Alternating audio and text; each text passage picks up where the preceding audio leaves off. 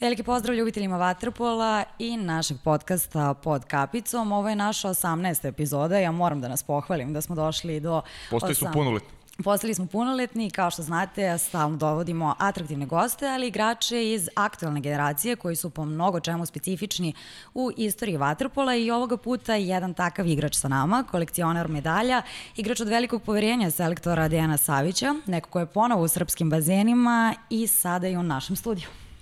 Da, imamo zaista veliku privilegiju, eto da rekla si sama 18. epizoda, ugostili smo zaista mnogo onako velikih imena poznatih igrača, e, ljudi koji će se uskoro uprostiti od reprezentacije, neki koji će nastaviti ono što je ova generacija koja je trenutno na okupu, koja je, da kažem, postavila kao, kao standarde, a ono što bih hteo da kažem na početku da je zaista veliki benefit za srpski vaterpolo što su se igrači poput našeg današnjeg gosta vratili u u domaći šampionat, jer je jako bitno da mladi koji e, treba da budu, kažem, naslednici onoga što je srpski vaterpiju postavio kao temelje, mogu da nauče od tih igrača. I sad imamo nekoliko klubova zaista onako par izuzetnih igrača, izuzetnih pojedinaca i baš ljudi od kojih može da se nauči u svakom smislu te reči. To je zaista ozbiljan benefit za vaterpol i opet delim to zadovoljstvo što i mi kao televizija imamo privilegiju da prenosimo nešto od mečeva domaćih šampionata i da I uživamo u utakmici.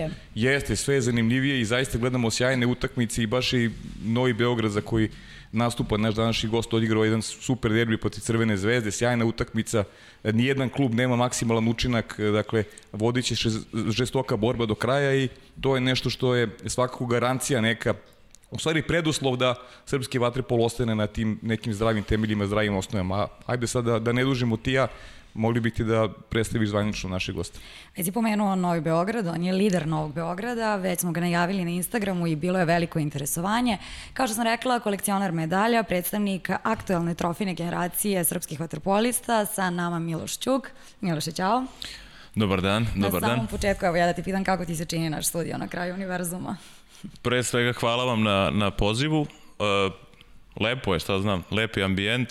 Ovaj, jedan sam od vaših vernih pratilaca na, na YouTube-u, tako da drago mi je da, da evo danas ćemo moći malo da popričamo i o mojoj karijeri i putu evo, do dana današnjeg, tako da drago mi je. Drago je nama što si došao.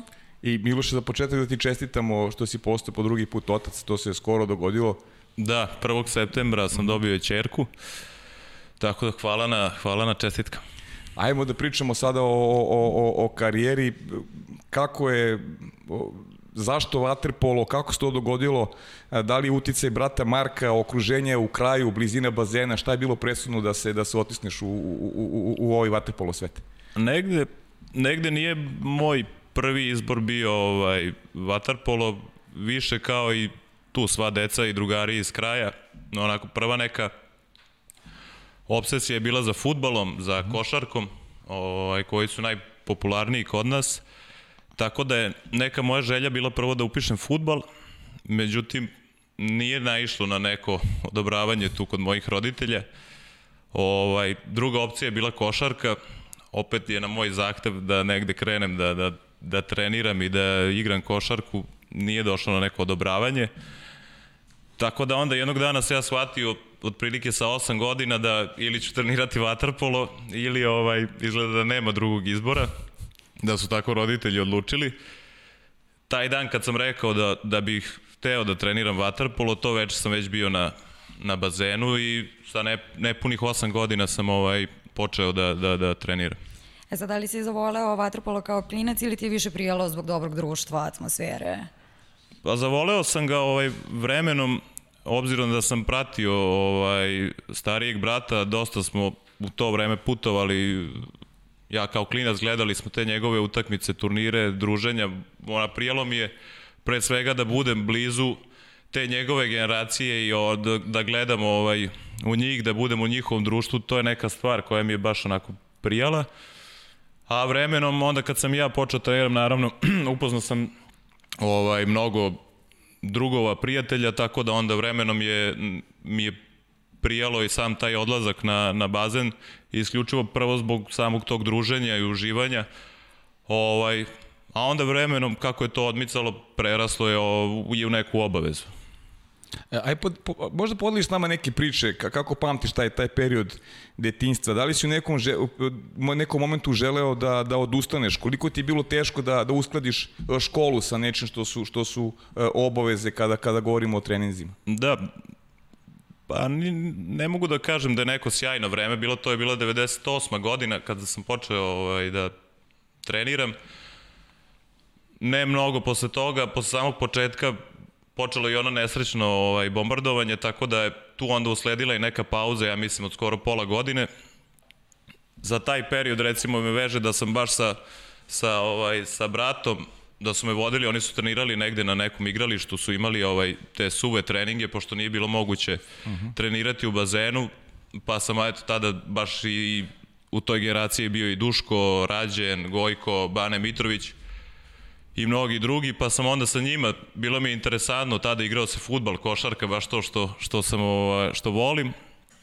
Tako da taj neki period me, me mi je ostalo upečatljivo to, to neko druženje sa njima, sa starijima, a, ovaj, a vremenom, u, mislim da se to sada i promenilo donekle, m, jako rano je taj moj vaterpolo prerastao iz neke igre, ovaj, prerastao u, u obavezu, u neku svakodnevnu obavezu, već sa nekih devet, ja mislim, godina, mi smo imali svaki dan trening, pa i subotom, što mislim da danas ovaj, i nije slučaj, već sa 12 godina, ja mislim da smo mi trenirali dva put dnevno.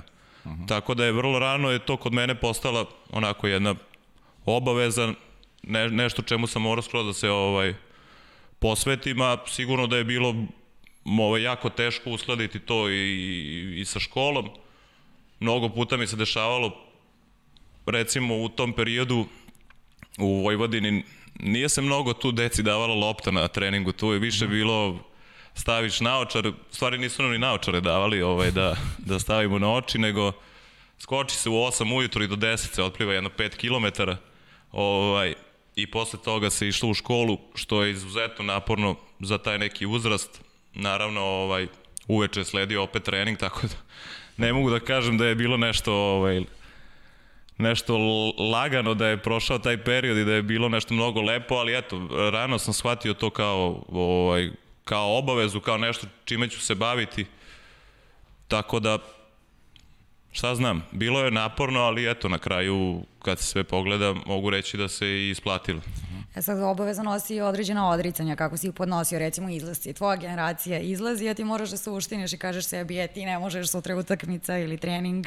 Teško, teško, stvarno, ovaj, mnogo drugara sam imao i mnogo nekih i u tom periodu i kasnije za mene bitnih momenta sam ja propustio baš od tako tih nekih i, i provoda i svega onoga što prolaze ovaj i tinejdžeri u to u to doba. Ovaj mnogo toga sam propustio, ali šta znam, e, zbog nekih stvari mi je žao, zbog nekih na kraju i nije, vreme je prošlo.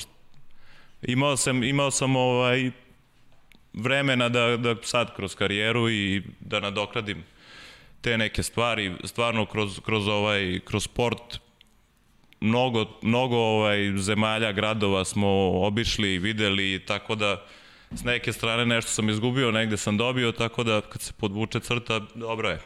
Da. Dobio si više nego si da, izgubio, da, sigurno. Da. E, da li si u tom periodu, Miloše, u, u Vojvodini, pošto znamo da je, da je, da je Vaterpolo škola Vojvodina jedna od priznatijih ovde i, i zaista iznedrila tvoja generacija sada koja je na okupu mnogo vas ima koji ste ponikli u Vojvodini. E, I mnoge pitao Marina ja, u stvari manje više sve goste, da li si u kom si momentu osetio da je, da je vaterpolo tvoj put, da, je, da, da, da imaš talenta, da ljudi prepoznaju tvoj talenat i da to može da ti se da ti napravi, da kažem, nešto, neki dečarki san da ti ispuni, da napraviš jednu, jednu lepu zavidnu karijeru. Da, da li se to dogodilo u Vojvodini ili, ili taj moment usledio kasnije? Jeste, jeste. Ovaj, vrlo, mislim, bio sam već u, u to nekom o, ranom uzrastu pozivan iz te, za te ovaj, reprezentativne akcije, tako da vrlo rano sam ja otprilike negde u svojoj glavi video da sam ja tu negde, da. -huh. sam blizu, već kad si blizu reprezentacije, mislim to je sada s ove tačke gledišta samo prvi korak, ali ovaj mnogo znači u tom nekom uzrastu kad dobiješ poziv za, za, za tu juniorsku reprezentaciju, tako da ja mislim da sam već negde sa sa 13-14 godina otprilike video da tu otprilike ima nešto i da, i da da ovaj da taj put koji sam izabrao da je dobar i da ima smisla. Tako da ovaj u tom nekom uzrastu sam ovaj, video da, da može i onda kako je vreme prolazilo ovaj sve je bila ta slika jasnija da da ima, da ima u stvari nekog materijala da jednog dana postane i profesionalni igrač. Uh -huh. E sad da vratimo malo za, na debitovanje za prvi tim i koliko igrača iz tvoje generacije može da se pohvali da su postali ozbiljni igrači? Ima, ima dosta. Vojvodina, kao što ste, kao što ste rekli, ovaj, iznedrila je dosta, dosta ovaj, što reprezentativaca, što igrača koji imaju kvalite da igraju danas u vrhunski vaterpolo. Po to mislim o ekipe koje se bore u evropskim takmičenjima u Ligi šampiona. Tako da recimo iz moje generacije je izašlo tri igrača, e, pored mene i Vapenski i Miličić, koji su sva troj, nas trojica smo ovaj, svi zaigrali za, za reprezentaciju, tako da i generacija posle nas onako je obiluje sa, sa, ovaj, sa, sa igračima, tako da mislim da taj neki period Vojvodine, generacija od 82. godišta do 86. i posle ova moje, moje od 90. do jedno 93. godišta da, da je izbacila dosta igrača koji dan danas mnogi ovaj, igraju, baš sam rekao, po, po evropskim klubovima. Tako da sigurno da u tom periodu je bio ovaj ozbiljan, ozbiljan rad tamo i rezultati se vide. A kad pričamo o debitovanju za prvi tim, da se sećaš te utakmice, ali bilo straha, treme? Bilo je, bilo je ovaj, pa sve što nosi, sve što nosi jedna prva, kako da kažem, prvi onako neki ozbiljan test na pozvat za, za prvi tim Vojvodine. Sećam se da smo igrali, e, igrali smo utakmicu sa Jadranom iz Herceg Novo, koji je tada bio strah za, za, sve, ovaj, za sve ekipe. Mislim da je utakmica završena rezultatom 20 naprema 1 ili 21 naprema 1, tako neki je bio rezultat. I interesantno je bilo da, da ovaj, tadašnji prvi trener Kolja Lazar e, me nije uopšte ubacio u igru. Tako da sam tu prvu debitantsku utakmicu onako sa Badem Antilom presedeo na, na, na klupi. Mislio sam da, da, ću, da ću dobiti šansu, bar tu no, pred kraj. Mislim, odmah se tu znalo da, da ovaj, nemamo mi šta da. tu mnogo da... Makar na 19-1 da tu uvede. da, mislio sam da ću dobiti bar svoj jedan minut, ali to se nije desilo, tako da tek od sledeće kola više ne znam s kim smo igrali, sam onda dobio prvu šansu. Tako da me ta debitantska utakmica veže najviše za, za samu klupu i, i za Bade Mantil. I za Bade Mantil. e, a pazi sad, nekako je Subina baš tela u to vreme negde da, da, da igrači Vojvodine nekako da je po logici stvari se sele u Beograd i prelaze u Partizan. Neko, baš, baš je tipično bilo za, za, i za ove starije i za predstavnike tvoje generacije. E sad kaži mi, posjeti se malo tih vremena, ko te zvao, e, da li si dugo razmišljao i, i da li je to bila jednostavna odluka tvoja da se preseliš iz Novog Sada u Beograd? Koliko si godina imao tada uopšte?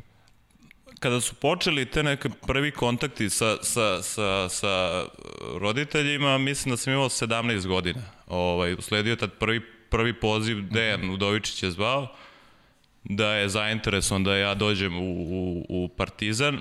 E, meni su to moji onako preneli. Zvao te Partizan, vidjet ćemo ti samo ovo svoje guli, guli pa ovaj, vidjet ćemo kako će se razvijati stvari. I ja ni, stvarno nisam učestvovao u, u tom mom prvom odlasku za Partizan, stvarno nisam imao dodirnih tačaka sa tim kad ću otići i šta će biti, kakav će ugovor biti, sve te neke stvari, uopšte sa mnom se nije niko konsultovao. Do duše nisam ni bio punoletan u tom momentu, ali interesantno je ovaj interesantno je za, za, za, za sam taj prelazak da sećam se dobro, jedan dan vraćam se iz škole, znam da je išao ovaj, tata i, i brada su išli na, na pregovore, mislim da su Igor i Šole došli za, do Novog Sada ja sam bio u školi i onako sa, sa nestrpljenja sam čekao da se više završi, da odem kući da vidim šta se dešava, kakva mi je sudbina. Ovaj, seća se da sam došao kući, tata, ja rekao, i? Kažu, ne znam, eno ti ga brat, tamo pa vidi sa njim. Vidim ja da nešto, da nešto ne štima tu baš da nije dobro. O, onda sam otišao gore do brata. Rekao, šta ste se dogovorili? On mi je samo rekao, izađi iz sobe. Tako da nešto nisu oni bili zadovoljni tu. Ja sam vidio da, da nešto ovaj, nešto ima, uglavnom na kraju su mi saopštili da, da su dogovorili da ću ja potpisati taj prvi ugovor umesto na 4 na, na 6 godina. Tako da sam se obavezao s tim prvim ugovorom na jedan dugačak, dugačak period, što nije baš tipično za, za, za ovaj, sada u današnje vreme. Ali eto, to mi je ostalo upečatljivo, onako da kad sam došao kući da, da nije ovaj, baš sve cvetalo i da nije bilo neko raspoloženje, ali na kraju eto, ispalo je sve ovaj, Više nego do, dobro. Više nego dobro da po mene. Ja sada idemo da pričamo o toj relaciji Novi Sad-Beograd. Pričali smo sa tvojim starijim sugrađanima, ipak treba da se adaptirate, jer jeste drugačije. Šta ti se svidelo u Beogradu, a šta ti je smetalo? Da, mi malo imamo neki mentalitet, nama ova gužva beogradska i buka, nama to nije da nešto preterano odgovara. Ovaj, imao sam sreću što sam taj prvi moment mog dolaska ovaj, u, u Beograd eh, imao sam, već sam poznavao, tu je bio ovaj, i Duško i Rađen i Bane Mitrović i oni su me onako prihvatili odmah na tu prvu loptu kao nekog ravnopravnog ovaj, sa njima, tako da, da mi je taj period nekog privikavanja na same i treninge i na taj život u Beogradu koji se razlikuje ovaj, od, od života u Novom Sadu, onako nekako su mi pomogli da sve to prođe lakše i, i, i brže, tako da nije za mene to bila neka velika ovaj, na kraju promena ali ostalo mi nešto da sam ipak svaki vikend ja se vraćao za, vraćao za Novi Sad, jer ipak to je, to je negde ono mesto gde sam se ja osjećao ovaj, dobro. Ipak je Beograd bio za mene nešto nepoznato i te kasnije, posle jedno 4-5 godina sam se malo onako privikao i osjećao da je i Beograd ipak tu moja, moja neka ovaj, kuća. A, a kaži mi, koliko se promenio e, način treniranja u odnosu na, na, na, na ono što si radio u Vojvodini? Da li možeš tu neku razliku da napraviš, neku paralelu da povučeš i e, došao si prilično mlad, e, naravno stekao si neke radne, oba, radne navike u, u, u Vojvodini, u jednoj dobroj školi, ali si došao u Partizan koja je svakako jedna od najboljih škola u, u, u Evropi sigurno. Još u to vreme su stvari koliko toliko dobro funkcionisale u Partizanu. Da, uh, u Vojvodini se više radilo na toj nekoj obzirom da su bili sve mladi igrači u, u ekipi u to vreme kad sam ja bio u prom timu, ovaj, radilo se dosta na, na nekim individualnim stvarima. E, tada je trener bio Dejan Stanojević i, i mnogo pažnje je posvećivao nama koji smo bili tu već neki kandidati možda za poziv i, i za neki širi spisak A reprezentacije i onako dosta, dosta je obraćao pažnju na sam rad sa nama individualni, koji je ovaj, mi dosta posle i, i, i značio kad sam došao u Partizan, jer te neke stvari u Partizanu nije, nije toliko bilo vremena da se radi individualno sa svakim igračem, tu su već bili ozbiljni neki ciljevi, tako da je period u Partizanu ovaj, prolazio više kao neku, sve vreme je bilo neko igravanje i spremanje za neku konkretnu utakmicu. Nije toliko, naravno Igor, Igor je bio trener, koliko je bilo vremena i koliko je, kakav je bio moment, on prilagođavao je treninge malo i sa nama mlađima da, da radi, ali gro stvari se radilo isključivo u igravanje ekipe i spremanje za neke bitne utakmice koje, koje su sledile tokom sezone. Tako da, taj neki individualni rad ovaj, najviše me prati u, u Vojvodini, jer su videli potencijal u, u toj ekipi i u tim igračima, tako da se radilo na tim nekim stvarima koje posle, kad već dođeš u Partizan, se podrazumevaju, podrazumevaju da ti to već znaš, uh -huh. da, da na to ne treba da se vraća, tako da koristilo mi je ovaj mnogo. Sad ako se ne varam, Partizan je tada imao formiranu ekipu, tako da je sigurno značilo što si imao iskusnije kolege i od koga da učiš. Da, naravno, ba, mislim za mene prvo ovaj, ve, veliki je bio to i, i, i šok, ja sam došao sa 18 godina, onako upao sam u tu ekipu sticajem okolnosti, e, mene je zvao Dejan Udovičić u taj Partizan, umeđu vremenu je on smenjen sa te sa mesta trenera Partizana, došao je Igor, tako da je skroz bilo za mene nepoznato ni, ni, ni, i ta moja sudbina kakva će biti tamo. Međutim, Igor ovaj, imao je mogu reći strpljenja za, za sve to za sve te moje greške koje su me pratile u tom nekom periodu, jer ja sam stvarno ušao u ekipu gde su sve bili vrhunski igrači. Ja sam jedini tu bio neki onako o, omladinac sa, sa strane koji je ono morao da da uči, da vežba i još mnogo da radi, ne bi li im se negde približio u nekom momentu tog, tog nivoa Partizana, tako da uh, zahvalan sam i, i, i ovaj Igoru u toj meri što je imao strpljenja da da ovaj da istrpi sve te neke moje ovaj greške i sve to što što me je pratilo jer stvarno ja u tom momentu kad sam došao u Partizan bio sam mnogo mnogo iza svih igrača koji su tada igrali. Ja ne treba da govorim ko je igrao, igrao je Vlada, Vlada Uja, Soro, Prle, mislim svi, svi, svi živi. Da. Ovi, tako da teško je, teško je bilo negde ja tu da pronađem sebe, ali eto, zahvaljujući tada i Igoru koji mi je dao priliku i šansu, negde vremenom je to sve, to sve došlo. Očigledno, očigledno prepoznao talent, zna, zna u što ulaže. Sigurno, sigurno da, da, da, da jeste ovaj, interesantno je bilo i, i, i, i recimo i kad se Manda pojavio, posle što sam ja gledao i Manda i Vico, kad su se pojavili, oni isto nisu bili na, na, na tom nekom nivou, ni blizu, ali stvarno vremenom, tada je taj neki scouting Partizana bio stvarno ovaj, dobar, gde su prepoznali ko će u, u narednih 10 godina da, da bude nosioc ovaj, i Partizana i, i, i, te, i ove naše reprezentacije. Tako da, sigurno da su odradili dobar posao. -huh. e, kruna u Partizanu je bila ta titula prvake Evrope koju ste osvojili i e, tada ste u velikom finalu bukvalno ponizili veliki proreko. Imao moćan tim, bio projektovan da osvoji titulu. E, Kako pamtiš taj, kako pamtiš taj period, kako si taj uspeh doživeo, to je zaista bilo nešto neočekivano, bez obzira što je Partizan imao e, kvalitetnu ekipu, ali nisu mu davane velike šanse u tom finalu protiv Proreka. Da. A u tom momentu e, Partizan jeste bio e, mnogo kvalitetan, ali u, u, u recimo u tom Proreku po meni, a mislim da delim mišljenje sa mnogima, uh mhm. -huh je možda i najjača ekipa ikada koja je, koja je igrala za, za, za, za, za Pro Reko. Tako da već kao i svake godine naredne njih su viđali kao neke osvajače bez većih problema. A mi smo te godine ovaj, baš imali dosta, dosta nekih problema koji su nas pratili i kroz celu sezonu, sećam se, igrali smo jako loše do toga da smo sa Barcelonom, koja je bila u tom momentu totalni outsider, igrali nerešeno na banjici i tako tih nekih loših rezultata koji su nas pratili do toga da smo čak mogli da ispadnemo iz grupne faze, ovaj, da nismo pobedili baš posle Barcelonu u revanšu na, u, u, u Španiji.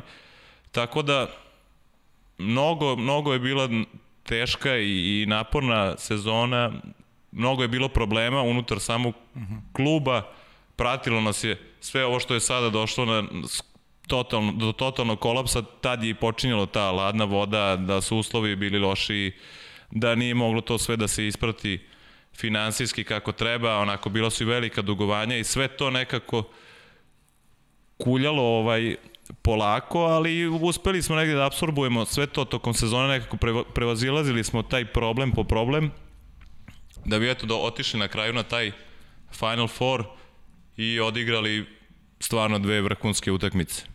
Mislim, pobediti pro reka u, u, u sred Italije sa takvom go razlikom i sa takvom nadmoću već onako mislim da je da je ovaj što se kaže za pamćenje jedan uspeh naravno kruna kruna te generacije Partizana i i posle velika žal što se ta ekipa odmah nakon toga i, i raspala.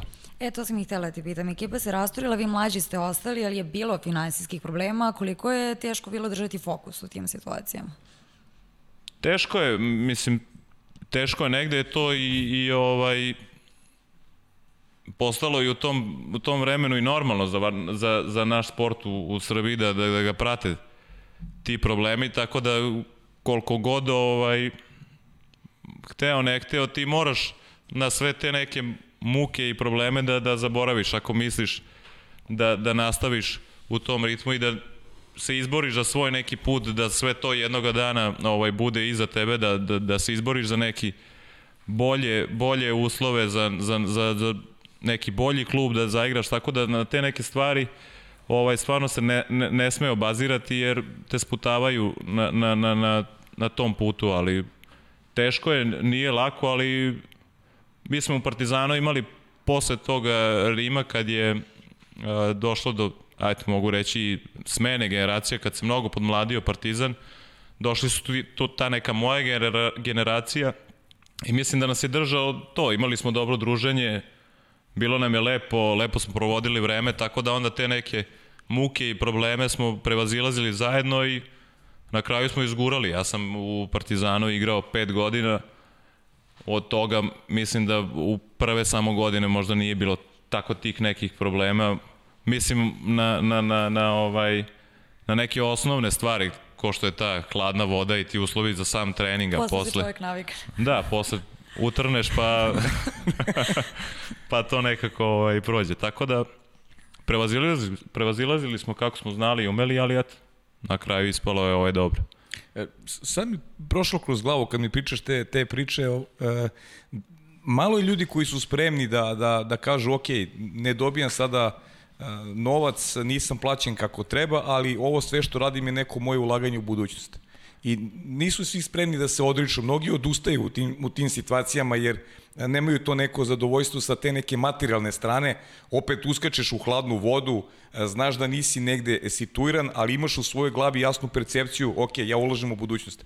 E, koliko je bilo koliko su bili teški ti momenti da, da, da to sve savladaš u svojoj glavi i da kažeš ok, Uh, ja sad, ja ću da skačem dva puta dnevno u vodu, ali ovo će mi se isplatiti jednog dana.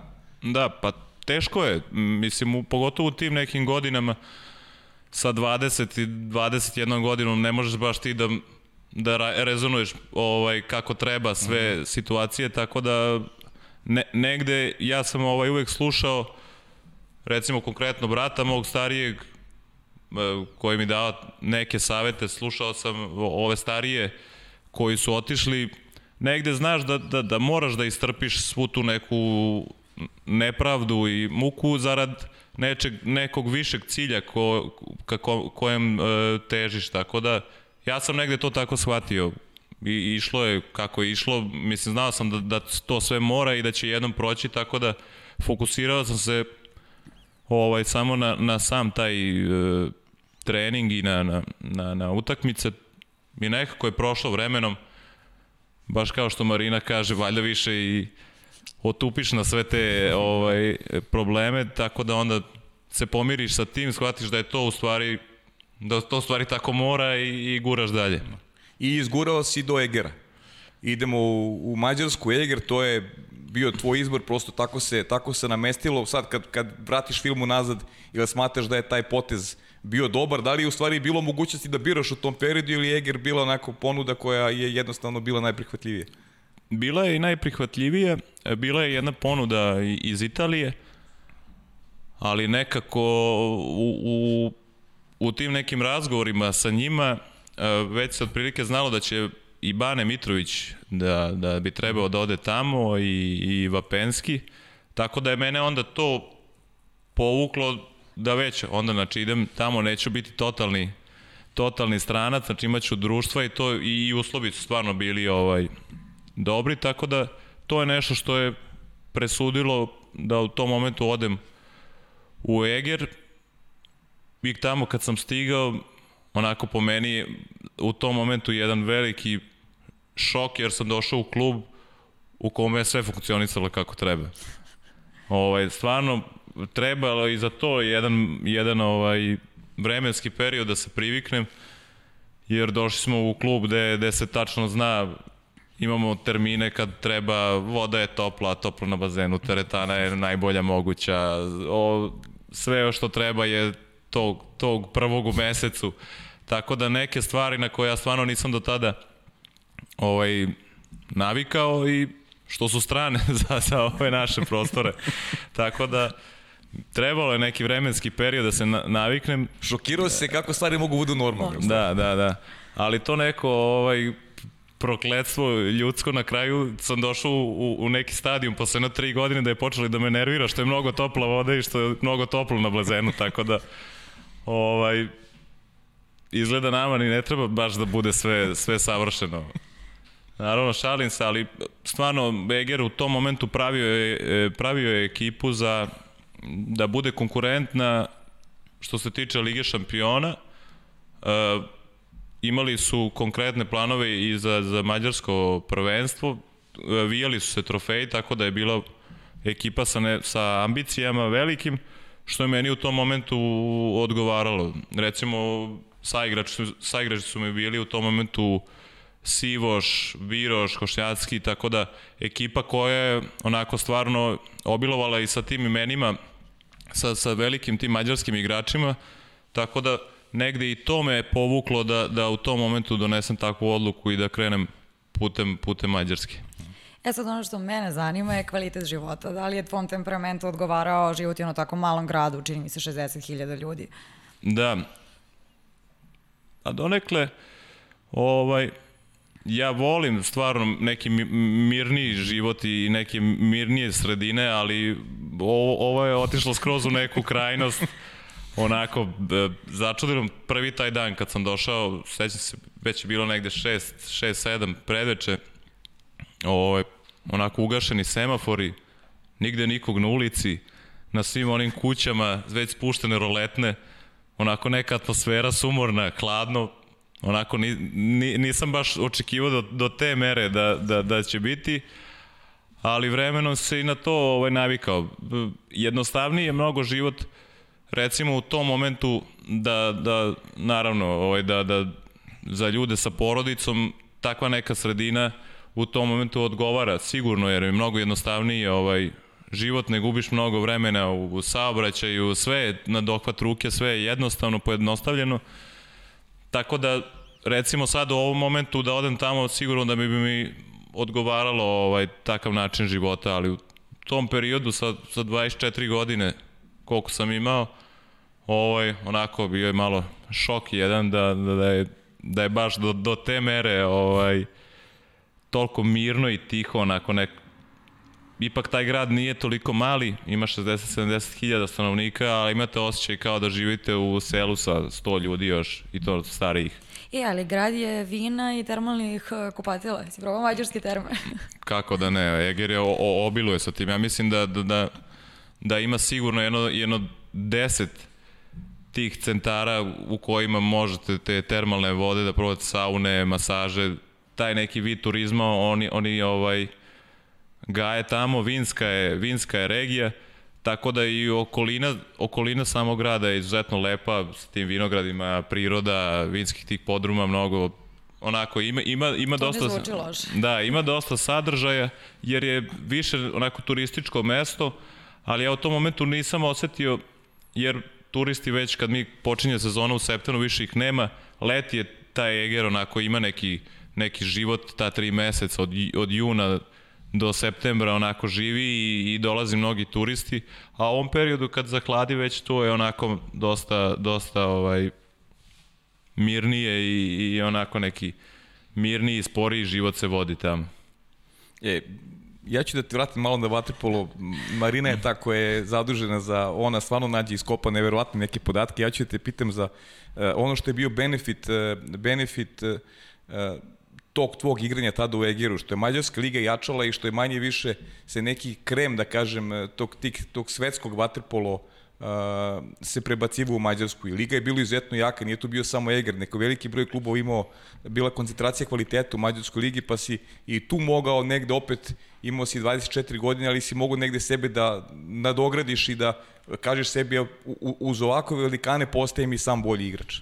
Da, sigurno u tom momentu, mislim i dan danas je Mađarska liga ovaj, sigurno najjača u, u Evropi. E, tada ovde u, u, u Srbiji u tom momentu sam te poslednje godine moje u Partizanu kada su se napravili i Zvezda i Radnički, ta godina je o, imala nekog smisla i obilovala je sa tim nekim derbi utakmicama sa, sa, sa teškim mečevima. Otišao sam u Mađarsku gde je bukvalno Eger koji je tu uz, uz e, Solnog i OSC bio neki no, no, nosilac nosilac tog vremena doživio, doživio sam da, da ti ako igraš sa, sa nekim recimo Segedinom koje je izuzetno teško gostovanja, koji uopšte nije na tom nivou, da ti tamo ako ne odeš 100% možeš lako da izgubiš utakmicu. Te neke stvari nisam imao ovde, znači bio je fokus da svaka utakmica je morala da se igra 100% jer, jer vrlo lako možeš na, na, na, na gostujućem terenu kada odeš negde protiv neke ekipe koja je mnogo slabija, možeš da kiksaš i da izgubiš bodove, jer se igrao stvarno dobar vaterpolo i mnogo je igrača bilo ovaj, i iz Srbije i, i sa svih strana. Tako da je to vreme liga njihova bila onako i za mene vrlo korisna jer sam imao jako velik broj bitnih i teških ovaj neizvesnih utakmica u, u te tri godine koje sam proveo u, u, u Egeru. Tako da koristan, korist, ispalo je na kraju super, uh -huh.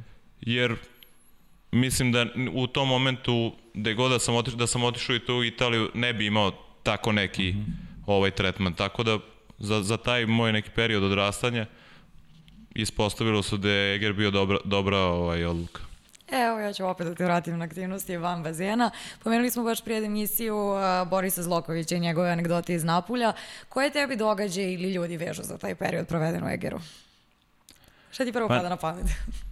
a ne mogu ništa da izdvojim, mislim, konkretno sa nešto da je, da je mnogo ovaj, zabavno ili, ili, ili e, smešno i taj period smo provodili jer bukvalno u tom gradu nema ništa i nikad ništa ne radi, tako da smo morali ovaj da izmišljamo mi unutar tima negde da, da se odemo zajedno, da, da se negde provede, mislim, po znacima navoda provedemo, jer tamo stvarno nema ovaj, ništa pametno da se radi u slobodno vreme. Ovaj, tako da neki taj slobodno vreme u Egeru mi nismo ni provodili, uglavnom je svaki neki slobodan vikend ili neki prazan hod korišćen da se ode do, do, do Budimpešte, koja je ipak jedan, jedan metropola i Velegrad, tako da ovaj, smo slobodno vreme uglavnom provodili tamo. Tako da neke specijal, specijalne dogodovštine iz Egera ovaj, faktički i nema. Sem tog što stvarno imali smo, imali smo neku hemiju, imali smo do, dobro druženje taj period, bilo je tu naravno i ovih mojih, tako da i Mađari ti bili su ok, momci bili su za, za, za ovaj za, i za dobar provod i za sve što, što nosi, tako da mogu da kažem da, da smo uspeli iz tog nekog mrtvila tog grada da, da izvučamo bar malo onako ne, ne, neke pozitive, tako da bilo je, bilo je lepo. E, ali nisam ja spomenula Zlokovića bez razloga, evo sad ćemo da vidimo i zašto.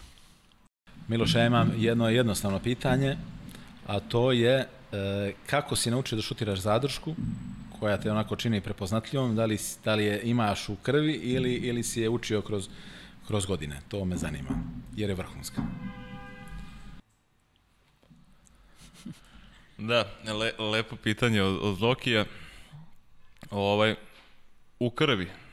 Stvarno, ja ne mogu da kažem da sam ovaj, taj šut sad ne, ne, nešto mnogo sa nekim vežbao, jednostavno ovaj, se, se desio i onda kad sam video da to imam da to imam u, u, u ruci, onda sam vremenom to i usavršavao, ali o, mislim da je u krvi, da je da sam ro, ro, rođen sa tim. E, ako se ne vara Miloše, u to vreme uspeli ste da, da osvojili ste jedan kup, e, što je opet bio, da kažem, vredan rezultat s, s obzirom da, na, na, na ono što si rekao, koliko je, kakva je bila koncentracija kvaliteta u, u, u mađarskom vaterpolu. Ali ono što je meni interesantno bilo, verujem da si pratio šta se posle dešavalo sa klubom i koliko je recimo, e, koliki je značaj vaterpola za, za mađarski sport, geno za mađarsku državu.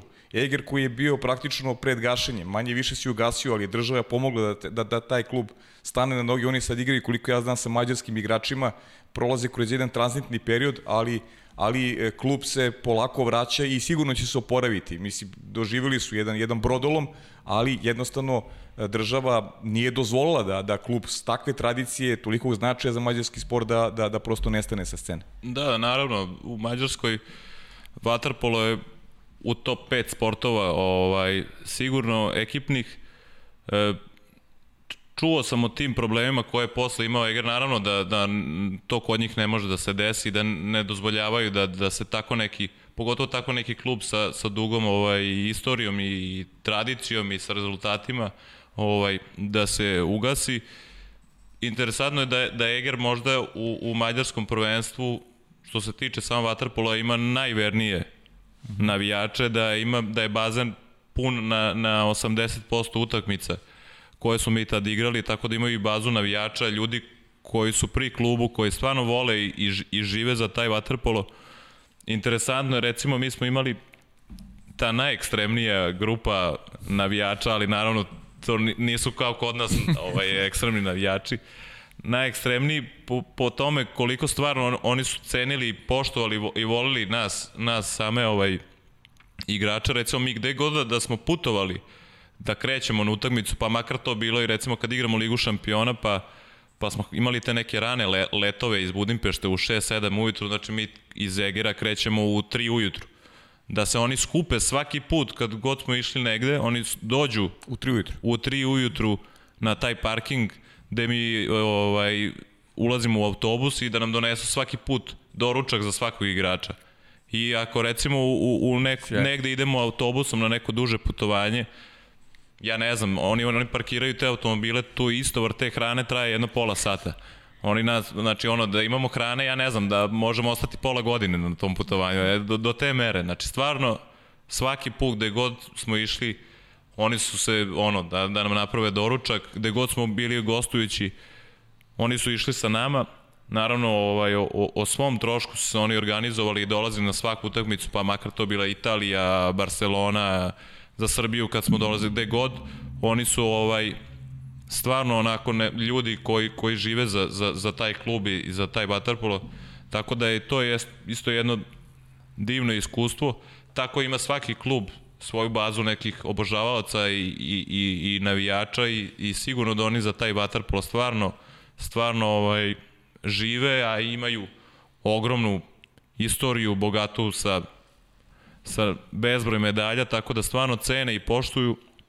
I to je recimo interesantno što sam zaboravio da kažem, prvi put sam se ja osetio kao igrač, sam se osetio kao stvarno neki profesionalac, onako ne, neko bitan u, u nekom momentu kad sam otišao tamo, kad sam vidio stvarno da ti ljudi, onako prvo što znaju sve o, o Waterpolu, znaju, znali su sve o meni prvi dan kad sam došao tamo, ovaj, i stvarno onako su mi ukazali neku poštovanje na, na, na tu prvu loptu. Čim sam došao, vidio sam da stvarno onako ti ljudi žive, žive za, za, za, za, za ovaj naš sport. Tako da je, i to je jedno iskustvo stvarno ovaj, predivno. Da, što svakako znači. Igrao si za solno godinu dana u pravoj koloniji srpskih vaterpolista. Sa što je tako kratko trajalo? Ne, to momentu sticajem ovaj, okolnosti e, došao sam u, u Solnog, tamo su bile Žile, Ćomi i Aleksić i, i Prle. E, sticam okolnosti, nisam, ovaj, ta sezona je po meni možda i najlošija koju sam odigrao u, u ovoj svojoj profesionalnoj karijeri, iz razloga što što je falilo igrača na toj desnoj strani na kojoj ja nikad nisam igrao. Na jednom od prvih treninga me trener pitao kao tebi problem da, da, da da igraš desno, ja sam rekao, mislim, nije mi problem ništa, ali stvarno nisam se snašao kroz tu godinu, nisam pružao neke partije, igrao sam na, na, na skroz suprotnoj strani od moje, nisam se negde snašao i pogodio se moment da je, da je, da je Solnok u, u, u, u tom momentu odlučio da će narednih nekih godinu, dve malo da, da smanji, smanji budžet i da će više da proba da igra sa sa mađarskim igračima, tako da ta ovaj ta neka moja epoha u Solnovu koja je trajala samo tu jednu sezonu, ali i za nju me vežu ovaj, mnogi uspomene, imali smo to baš što kažete, srpska kolonija, ovaj, živeli smo u, u jednoj zgradi u, u, u centru grada, tu je bio i, i Milan i Prle i bio je Strahinja Milošević, e, igrao je tad košarku za, za, za Solnog, bio je Dragan Aleksić, je bio trener Solnoka, tako da smo imali onako stvarno predivno ovaj druženje tokom, tokom te, te godine. Naravno, Solnok je možda malo i gori od Egera, što se tiče sadržaja i, i, ovaj, i, i, i nekog provoda, tako da smo mi negde unutar tu smo se po Ali je bila dobra ekipa. Da, ti, naj, najbolje, najbitnije je u stvari to ko ti je tu i s kim provodiš vreme, tako da je taj isto godina meni jako brzo prošla, ovaj, onako, zezali smo se, pratili smo sport, koliko smo mogli, sve ostalo, tako da prošlo je i to. Znaš što sam primetio, Marina? Miloš je svuda da nema dobrog provoda. Da nema dobrog provoda. ne treba ići njegovim stopama. je, ali možda je bilo bolje sada. Povrede, Ledić je otišao. E da, e pa moguće da, da, moguće da je bilo bolje. To će nam reći ovaj, kako je bilo, znači prelazak Zagrebačka mladost i to je onako bilo iznenađujuće malo da si da si prešao u mladost. U stvari iznenađujuće, mladost je veliki klub naravno, nego nije se dešavalo često u prošlosti da eto igrači iz Srbije odlaze e, da igraju da igraju za hrvatske klubove. Da, nije, u, u tom momentu kada je mene mladost pozvala, ovaj oni su ja koliko sam ja, sad nisam mnogo ni pratio, oni nisu beležili neke ni rezultate, e, niti sam koliko, koliko sam ja imao informacija, niti taj fu, klub funkcionisao ovaj, kako treba u, u, u tom periodu. Negde je baš uh, Jugoslav, Jugoslav je bio posrednik između mladosti i, i mene, da ostvarili smo neki kontakt gde su oni meni predočili da bi da je njihov neki plan da se u, u toj godini i u narednoj da se oni vrate u Ligu šampiona, da, da, da će dobiti tu wild kartu za Ligu šampiona, da bi se oni malo pojačali i probali da napadnu što ovaj domaće te trofeje, što da probaju bo, što bolji plasman u samoj Ligi šampiona, da je neki plan kluba, da je taj neki oporavak njihov pri kraju, mm. da su oni se stabilizovali koliko toliko i da planiraju da u narednom periodu ovaj, pucaju na, na, da vrate u stvari onako onu njihovu staru slavu kakav taj klub ima, jer je sami znate sedmostruki evropski ovaj prvak. Tako da je mene negde u tom momentu ovaj, bilo mi između njih i, i Marse me zvao u, u, u tom periodu. Ja se negde odlučio za, za Zagreb, nekako mi se to i, i, i ovaj, de, delovalo mi je jednostavnije za mene, tako da sam onda odlučio da, da potpišem ugovor sa njima i mogu da kažem da smo ovaj da je to isto lep, lep jedan period sam imao dve godine u, u, u Zagrebu. E, Vanju Dovičić mi je baš pričao da nosi lepe uspomene iz Zagreba, za mlada si sve vremena igrao i Igor Milanović. Kako je prošao Miloš Ćuk? Super, super. Zagreb je neka neka međa između Beograda i Novog Sada, ovaj, meni se jako svideo i, i način života kako tamo ljudi živi isto je bliže ovom, ovom novosadskom novosadskom ovaj stilu života, da, onako isto neki, nije mnogo brz tempo, grad nije prevelik, uh, jednostavan je, brzo sam i, i naučio i savladao, tako da mogu da kažem da, da, da je baš mi, baš mi je prija. E, još jedna prednost Zagreba je i sama ta pozicija geografska njegova vi ste bukvalno za sat i po vremena ili ste na planini ili ste na moru ili ste za tri sata nazad u Beogradu. Mislim, stvarno je ovaj, do, dobra i, i, i lokacija. Tako da sve te neke stvari su doprinele da, da meni stvarno bude lepo tamo tokom čitavog tog boravka i sam Zagreb je predivan ovaj, grad, ima mnogo mesta i, i, za, i za videti i za obići i sam taj način života je meni donekle prijao jer je onako mirnije više onako vi, liči na, na, na, na, na, na, na tempo Novog Sada. Viš da smo našli grad i nije dosta. Da, da. Mislim, on je našao, konačno, da. Konačno je naš. Da. A naravno, A, nema. Lepo, mislim, i, i dobar si prijem imao, prepostavljam.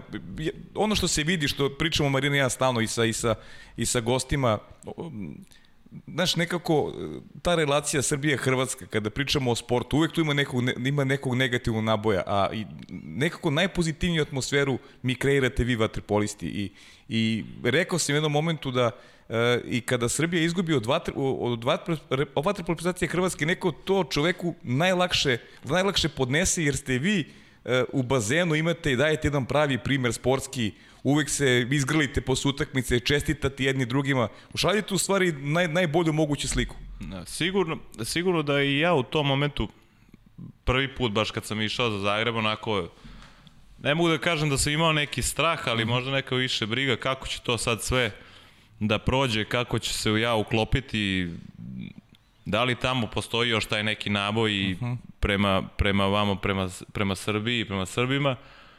Onako dosta sa nekim što kaže, ni- nije ni strah, ali neka doza neizvesnosti sam taj moj dolazak tih prvih jedno 10-15 dana dok, dok ja nisam vidio u stvari da prvo tamo nikog ni, ni ne interesuje, ni odakle sam ja, ni, ni šta sam, onako Zagreb je dosta u odnosu na, na sve ove gradove južnije od, od Šibenika pa na dole, onako dosta uh, okrenut ka, ka Evropi, onako oni su baš neki trude se da budu baš pravi ev, evropejci, tako da ovaj, stvarno u, u razgovoru sa mnogima, pa sad e, svi opominju, upozoravaju, nemoj ovo pripazi na ovo, pazi šta ćeš da da kažeš, kako, na, onako, malo sam ja bio, bio ovaj, na početku i skeptičan kako će sve to da prođe, dok nisam vidio stvari da da to više nikoga ni ne zanima, nisam imao nikakav problem sad da će mi neko da, da mi ovaj razbije auto ili da će neko da krene da me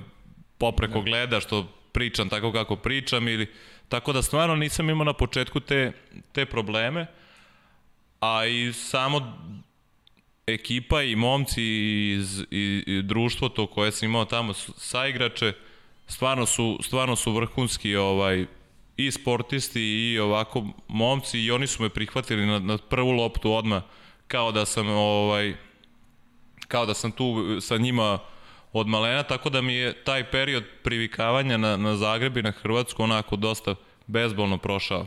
Bilo je ovaj stvarno bez, bez ikakvih nekih na, tenzija i, i, i nekih neprijatnih iskustava, tako da stvarno ovaj, ja i porodica smo tokom te dve godine stvarno smo u- uživali. Stvarno smo uživali. A nije prošlo ni bez trofeja. A nije prošli ni bez trofeja. A nije, bilo, nije lako pored, pored Juga, Da. pored Juga koji godinama uspešno vodi Vijeko Kobešćak, imaju zaista i podršku naravno i lokalne samuprave i svega onoga što krasi Jug kao, kao jedan veliki klub, ali ste vi u regionalnoj ligi bili bili uspešni u to, da, da ga nazovemo tvoje vreme u Zagrebu. Za, za tu prvu godinu mislim da je, da je ni u samom klubu nisu ovaj mislili da, da, da možemo da ispariramo njima i, i oni su smatrali da nije realno da te godine ovaj uzmemo, uzmemo trofej. Negde sam ja kad sam došao baš sa trenerom Bajićem i sa tu nekolicinom saigrača starijih rekao mislim nema sigurno da su oni jači bili ovaj te te godine od nas ali naša ne- neka šansa nije u, u, u play-offu gde se igra na tri dobijene utakmice, znači imamo dve prilike, Jadransku ligu i Kup Hrvatske, gde se igra na jednu utakmicu, gde je stvarno sve, sve moguće.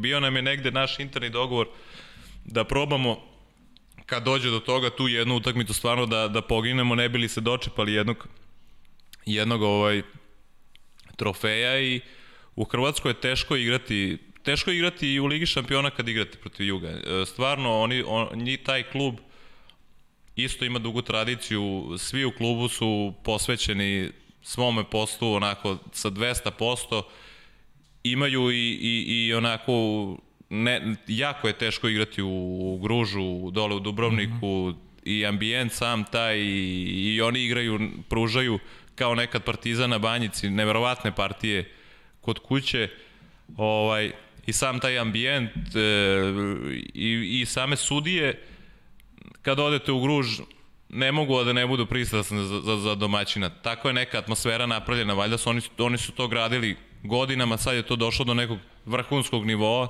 da je stvarno teško igrati sa njima, pogotovo kad igrate ovaj, dole u Dubrovniku. A mi smo uspeli te godine da da ih bukvalno prevarimo na tu jednu utakmicu i, i da osvojimo ovaj, Jadransku ligu. Igrali smo dobro, stvarno smo se brzo i uklopili s obzirom da su svi, većina igrača je došla sa, sa, sa raznih strana, tako da smo se brzo ovaj brzo uklopili i već tu u martu smo imali taj prvi prvi trofej koji je meni onda i produžio i produžio ovaj ostanak u, u, u Zagrebu jer su onda i ljudi iz kluba videli da, da smo mi u stvari tu negde i, i da bi uz još napora moglo da se napadne ovaj, još trofeje, da smo se negde približili kvalitetom njima, tako da su onda za, za sledeću godinu ovaj, doveli još, još, pojača, još pojačanja. E sad, Amanda, ti pitam šta misliš generalno o regionalne lige? Da li je dobro za vaterpolo u Srbiji ili nije? Nama je, na, mislim da je nama najviše koristilo. E, e, u, u tom periodu naši klubovi, evo dogodilo se to što se dogodilo sada, da ove godine je nama naprasno o, ojačala liga sticajem svih ovih okolnosti koje nam se dešavaju. Mislim da, da najmanje koristi su imali sami Hrvati, jer oni su stvarno bili kvalitetom mnogo, mnogo iznad, iznad svih klubova iz, iz Srbije i iz Crne Gore. Tako da mislim da je korisna bila najviše nama, jer mi nismo imali, e, naše ekipe nisu imali priliku da, da igraju utakmice sa nekim jakim ekipama. Te godine mislim da niko nije igrao ni Evropu od naših, da niko nije prošao kvalifikacije. Mm. Tako da je kroz tu Jadransku ligu ovi momci imali su priliku da igraju protiv pravih pravih ekipa, pravih igrača, vrhunskih i mislim da je za njima to najviše koristilo. Vama hrvatskim klubovima mislim da, da nije nešto mnogo koristilo, ali opet ovaj, bilo je lepih utakmica i mislim da je, da, da je korisno takmičenje, pogotovo za, za, za nas. E, na kraju ćemo da pričamo, Miloše, o, o, o Novom Beogradu. Ajmo sad da prođemo kroz repestivnu karijeru.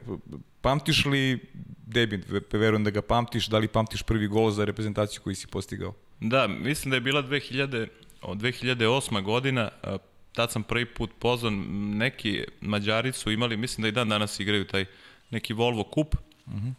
koji se igra u nekom terminu u sred sezone, ne mogu sad tačno ni da se setim, ali smo mi bili pozvani, Srbija, Udovičić je tada pozvao neki širi, širi spisak, širi sastav i, i moj prvi debi je bio protiv, čini mi se baš Amerike, ovaj, gde je on sad selektor, i mislim da sam i, i postigao go na toj prvoj utakmici. -huh. ovaj, tako da je debi, debi usledio dve, 2008. godine prvi put ovaj, sam pozvan za, za reprezentaciju, a nakon toga sam ovaj, bio i pozivan za, za kao neki 15 ili 16 igrač za, za, za utakmice svetske lige koje su igrale tokom cele godine. E, onda ide prva medalja sa velikih takmičenja, srebro iz Šangaja na svetskom prvenstvu 2011. Da li si tad mogao da zamisliš, da sanjaš, uopšte da ulaziš sa ekipom u jedan zlatan period i niz nezamislivu istoriju ove igre? Nisam, nisam, ovaj, ne, negde, negde je bilo možda i, i, i, i i projektovano sa njihove strane da ja uđem i godinu dana ranije u reprezentaciju, međutim, me zbog zdravstvenih problema ovaj, tu 2010. sam preskočio i onda 2011. onako negde se i slutilo da ću ja verovatno upasti u, u, u, u tu ekipu. Ovaj, mislim da je pre, presudan moment za mene da uđem u reprezentaciju bilo i, i taj Final Four i, i, mm. i osvajanje to sa Partizanom, da se negde i tim ovaj, partijama nametnuo, za, nametnuo ovaj, selektoru tada. I nisam, e, stvarno, to celo prvenstvo i, i, i taj period mog ulaska u reprezentaciju onako, kao da sam bio negde kao da nisam baš bio ni, ni prisutan onako, odjednom sam se našao među, među svima njima, opet predstavljaš državu, onako nekako velika i, i čast i ponos i sve proradi, ali opet s druge strane i osjetiš ogromnu obavezu i počne u, u glavi da se mota hiljadu misli da li, da li ću ja to sad sve moći da ovaj da opravdam ta sva očekivanja i da li će to sve biti kako treba. E, interesantno, recimo za taj moj debi u, na, svetskom prvenstvu u, u Šangaju, mi smo to, pre toga išli, ja mislim, u Singapur na neke pripreme od 7 ili 10 dana pre samog svetskog prvenstva. Znači, proveli smo u Aziji skoro mesec dana, što ovaj, sportisti znaju šta to znači kad promeniš skroz i, i, i vremensku zonu i klimu i hranu i onako vrlo je ne, ne, nezgodno za nas ovaj boraviti u tom delu sveta. Me recimo vezuje za to svetsko prvenstvo da smo imali neku, pošto sam ja naravno bio najmlađi, ovaj, imali smo neku torbu, onako putnu veliku u kojoj su bili sve kapice, ja ne znam koliko smo mi kompleta poneli za, za, za to svetsko prvenstvo, gde su bili i tegovi, gume, a ne znam kakvi sve rekviziti. Ja mislim sve što smo imali ovde u Beogradu, mi smo poneli to tamo za, za ne daj Bože, ne znam kao ako budemo nešto trenirali, ako zafali jednog momenta. I sećam se da sam vuglio tu neku koferčinu od jedno 30 kila, da sam 30 dana vuko svako jutro i veče na svaki trening, onako, to mi je ostalo u, upečatljivo. Mnogo sam se fokusirao tad u tom momentu i na, na te neke stvari kao najmlađi, pa moraš svako jutro da probudiš sve, moraš da obavestiš kad je ručak, večera, kad se kreće na trening, zovi telefonom 15 puta, sve, sve redom sobe. Ovaj, tako da, da sam imao uz to što sam morao, ajde, da, da opravdam ovaj, to što se od mene očekivalo, imao sam još tih zadataka milion, pa onda još ko, najmla, ko najmlađi, onako šta god da treba, pa si ti kao, kao potrčko ovaj danas što ima, tako da da me veže ta, i tako te neke uspomene da, da, da, da je bi, bilo pored samog vaterpola zadataka još milion. To nam je Manda pričala, tako je i zaboravio svoj rođendan. da, da. jeste, jeste. Manda se malo, malo se prešao to. Da. A čeki, pa priznaj nam sad da si jedno čekao da se pojavi neko mlađe. Pa jesam, jesam, stvarno. Muka je to, nije to lako, muka je to, stvarno. Muka biti najmlađi. e, kaži mi ako mnogi, mnogi stalno pitaju i, i, i Marinu i mene da, da neko, svako pona osob, makar vi iz, iz ove generacije koji zaista neverovatno, kako funkcionišete ljudi? Vi ste skup neverovatnih pojedinaca, a opet ste fenomenalni kao tim. E, šta je iz tvojeg ugla, šta je tajna, u čemu je tajna tih vaših rezultata koji se iznova ponavljaju, ponavljaju, ponavljaju i stiče se utisak da vi svako novo takmičenje kao da ulazite još više motivisani da, da, da i sebi i drugima dokažete koliko ste vredni. Da. E, sigurno da, da, da je negde o, o, ogromna glad kad kažem glad mislim ka, ka medaljima, medaljama i uspesima je sve vreme prisutna ovaj, unutar, unutar e, ekipe, što mislim da je najbitnija stvar. Nismo se zadovoljavali ni, ni sa tim prvom njihovom tom svetskim zlatom 2009. još dok ja nisam ni ušao. Onako, stvarno, bila je prisutna neka, neka želja i, i, i glad za tim medaljama. A drugo, ključ uspeha, naš neki, mislim da je to što, što se uvek uvek, ali bukvalno svakog momenta kod nas znalo ko kosi, a ko vodu nosi. Znači svakog momenta se unutar te ekipe znalo šta je čiji zadatak i niko taj svoj zadatak nikad nije prihvatio sa nekim nezadovoljstvom ili da je ovaj mislio da to nije da on nije za to da on treba nešto ovaj drugo da radi ili mislim da je svakom momentu je svako znao konkretno šta je čiji, čiji zadatak Ovaj, i, I uz to ogromno, ogromno ovaj, poverenje u, u trenera. Mislim da su to dve ovaj, bitne, najbitnije ovaj, ovaj stvari i da nas je to krasilo bukvalno čitav ovaj period kada su se i, i bili svi ovi uspesi naše reprezentacije, znači bukvalno to da, je, da svako zna u svakom momentu šta treba da radi, pa bilo to na utakmici, na treningu, van treninga, van bazena, van svega, na putovanja, gde je god, šta god, svako je znao u svakom momentu šta je njegova ovaj, i zadatak i kako treba da se ponaša i kao onako, dosta, je, dosta smo to ovaj, precizno nekako napravili i mislim da, na, da nas je to krasilo ovaj, čitao ovaj period. E sad nećemo da te mučimo da analiziraš sva takmičenja, ali četiri vezana zlata na evropskom prvenstvu. Koje ti bi bilo najslađe i možda najteže osveno, gde smatraš da si najviše doprinao?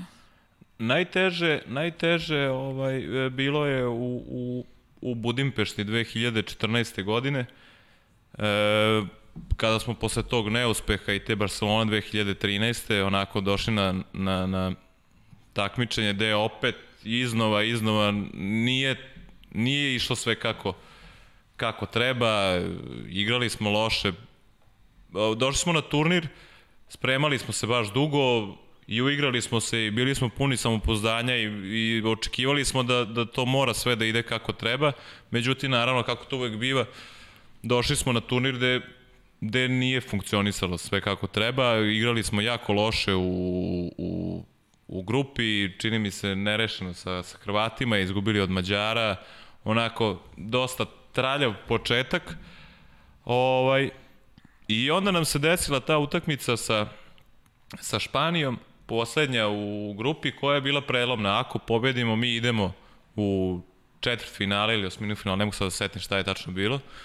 Ako izgubimo, mi smo ispali, znači drugo vezano takmičenje bez, bez, ovaj, bez uspeha, bez medalja, onako za, za, za naše ove uslove jedna tragedija koja bi se ovaj dogodila. I pred tu samu utakmicu onako tenzija je bila baš nek, onako velika i neka ne, gadna atmosfera, neprijatna, onako muka neka, svi iščekujemo da počne taj taj ovaj meč, onako nikako i onda dođe. I recimo mislim da jutro pred, pred samu utakmicu tu sa Španijom koja nam je bila ovaj, odlučujuća, hoćemo li krenuti put, put Beograda ili ostajemo tamo ovaj, još. Mi smo sedeli u, u hotelu i svi zajedno, onako ekipno, pili smo kafu, malo tu pričali, neko je probao i da se našali, ali u tom momentu onako baš te šale nisu se dobro ni, ni ovaj, uklopile. Baš je bila neka tenzija onako i neizvesnost. I tada se pojavio uh, tadašnji predsednik Saveza Krivokapić, koji onako, samo jednom smo ga videli, inače nije običaj da igrači negde kad sednu i mi gledamo gde su ovi funkcioneri, stručni štab, kad se vidimo mi svak na svoju stranu, da. samo ne prilazimo jedni drugim. I on nam je tad ovaj, prišao i, i na svu onu našu muku koju smo imali u tom momentu i svu onu tenziju, on je još došao i rekao, momci, sudbina vas nas i srpskog vaterpola je u, u vašim rukama. Bez pritiska. U, u, da, u kontekstu, ako vi večeras izgubite, znači neće biti ni vas, ni mene, ni srpskog vaterpola, sve će se ugasiti, gotovo, ne znam, ono, gasa svetla i, i završava se sve. Naravno da te reči su onako na, na sve to još kod nas izazvale katastrofu jednu, onako stvarno, jednu muku. Ovaj, ali eto, uspeli smo nekako na kraju tu utakmicu smo se mučili, mučili na kraju prelomili kao i... Spasili i sebe i vatko. Da, da, sve. sve smo spasili sa tom jednom utakmicom. O, evo, hvala Bogu, svi smo živi i zdravi i dalje. O, i, i, I po meni je ta utakmica prelomna za sve ovo što je posle, posle mm -hmm. došlo. Tu je stvarno smo onako negde, ja možda prvi put, ovi stariji, možda već neki drugi ili treći put u karijeri, karijeri prelomili to kad je stvarno, ono, kad je najteže, kad je sateran u, u, u ćošak, tu smo prelomili i onda je za turnir za nas o, ovaj, počeo i onda znate i svi kako je dalje ovaj teklo, ali mislim da je taj moment presudan bio za ovu generaciju, ovo otkad sam ja ovaj u reprezentaciji da je ta utakmica bila možda i najteža onako i presudna za sve ovo dalje. A čekaj, Španija, peterici, jel ti dalje za poker face? Pa ne, ne zovu me više poker face. Ovaj, a jeste, ali o, o, o mi je ostalo da, upamćeno kao onako ne, nešto što je baš teško bilo i muka. O, opet u, u Barceloni mi smo sem te utakmice finalne prilično a ne mogu reći glatko, ali prošli smo onako kroz turnir to četvrt finale Mađarska koja ne je bila u punom sastavu, pa smo ovaj prilično lako prošli u polufinale, onda sa Hrvatima ovaj, kao i svaki put derbi koji smo u, u našu korist prelomili. Ta utakmica je po meni jedna je bila baš ovaj, teška i ne znam sa, sa špancima, domaćinima. Ali da, na kraju eto, ovaj, završilo se i najbolje moguće. Ja sam ispao tu kao neki sad heroj, a bez ikakvog o, ovaj, ovaj razloga, samo što sam dao taj poslednji peterac. Ali e,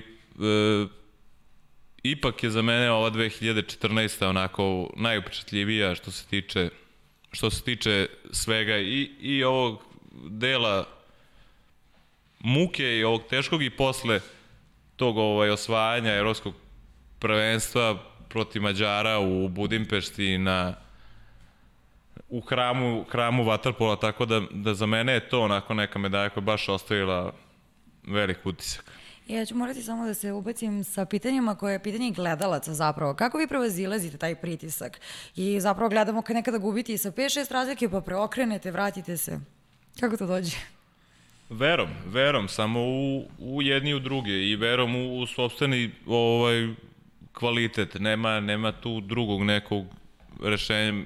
Mi uvek kada smo gubili te utakmice i, i, i kad je išlo loše, znali smo da, da, im, da imamo kvalitet, da se vratimo iz koje god minusa, da, u kom god minusu da se nađemo, da imamo kvalitet da se vratimo i da, da, da, da je negde to ovaj, i naše jedinstvo i to upornost i vera u sebe, da je to sve neko, neki miks koji je nas uvek vadio, vadio iz tih tako teških momenata ovaj, i stvarno mnogo utakmica, mnogo utakmica tih koji su bili na toj nekoj rezultatskoj klackalici, mi smo prelamali u, u, u našu korist, baš iz tog razloga, prvenstveno, naravno, imali smo kvalitet uvek, a drugo veru jedni u druge i, i jedinstvo koje krasi ovu ekipu i dan danas. Tako da mislim da su to stvari koje su nama u 90% slučajeva ovaj prevagnule da, da, da, da mi pobedimo i da mi osvojamo te neke turnire.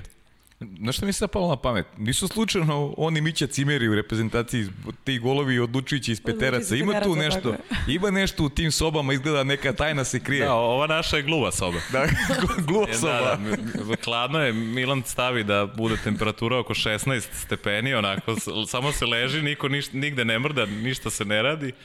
Ovaj, za nas kruži priča da smo ja i on najgori, da smo le, lenji i da, da, da je nam je sve teško i ovaj, Tako da, da, mene Milan priprema za te momente, jer ohladi me lepo i onda me samo čeka kad je vatra da me, da me, da me ovaj, baci u, u nju. Znači, zato imate hladne ruke obojice. Dobro, Da, da. sad bar znamo, eto, otkrili smo jednu tajnu. Hvala ti na, na ovoj iskrenosti. E, kad je svetsko prvenstvo u pitanju, naravno da tu nema dileme, da je Kazanj onako nešto što, što je e, najlepši moment, svakako osvojeno, osvojeno svetsko zlato 2015. godine. Da. Kazan, stvarno smo bili u, u, u, u, te 2014. kad smo uspeli sve to i, i, i, i da, da savladamo onako, baš smo imali samopouzdanja nekog ovaj, pred to samo takmičenje. Seća se da smo, kad smo stigli tamo, imali smo neki, dalje je bio sparing sa, sa Hrvatima ili sa Crnom Gorom, ne mogu tačno se setim. Uglavnom smo pred početak turnira smo sparingovali sa jednom od te dve reprezentacije i kad se završio trening, ja baš sa, sa prletom nešto idemo i, i komentarišemo i ja mu kažem, reku, baćo, reku, "Pa ovde nas ne može niko da dobije. Onako, kad sam sagledao kakvi smo mi, kako igramo i kakve su druge reprezentacije, kakve su im bile te igre na, na tim pripremnim turnirima, ja gledam, reku, reku, ko ovde, reku, ovde stvarno nas ne može niko da, da, da ovaj, pobedi. Kaže on, pa stvarno, baš teško, ali kao, ajde da mnogo ne, da ne malerišemo, ovaj, kao, ono, vreme će pokazati. I, i stvarno se ispostavilo da taj turnir, ovaj, imali smo problema opet u grupi, što je i normalno, mislim da smo se sa Australijom mučili, da smo gubili opet tu celu utakmicu, pa na kraju uspeli da, da, da pobedimo. Ali ceo turnir smo igrali, ja mislim, dobro i onako do, do, dominantno i po meni je to prošlo onako nekako bezbolno, bez nekog velikog ovaj, stresa na utakmicama.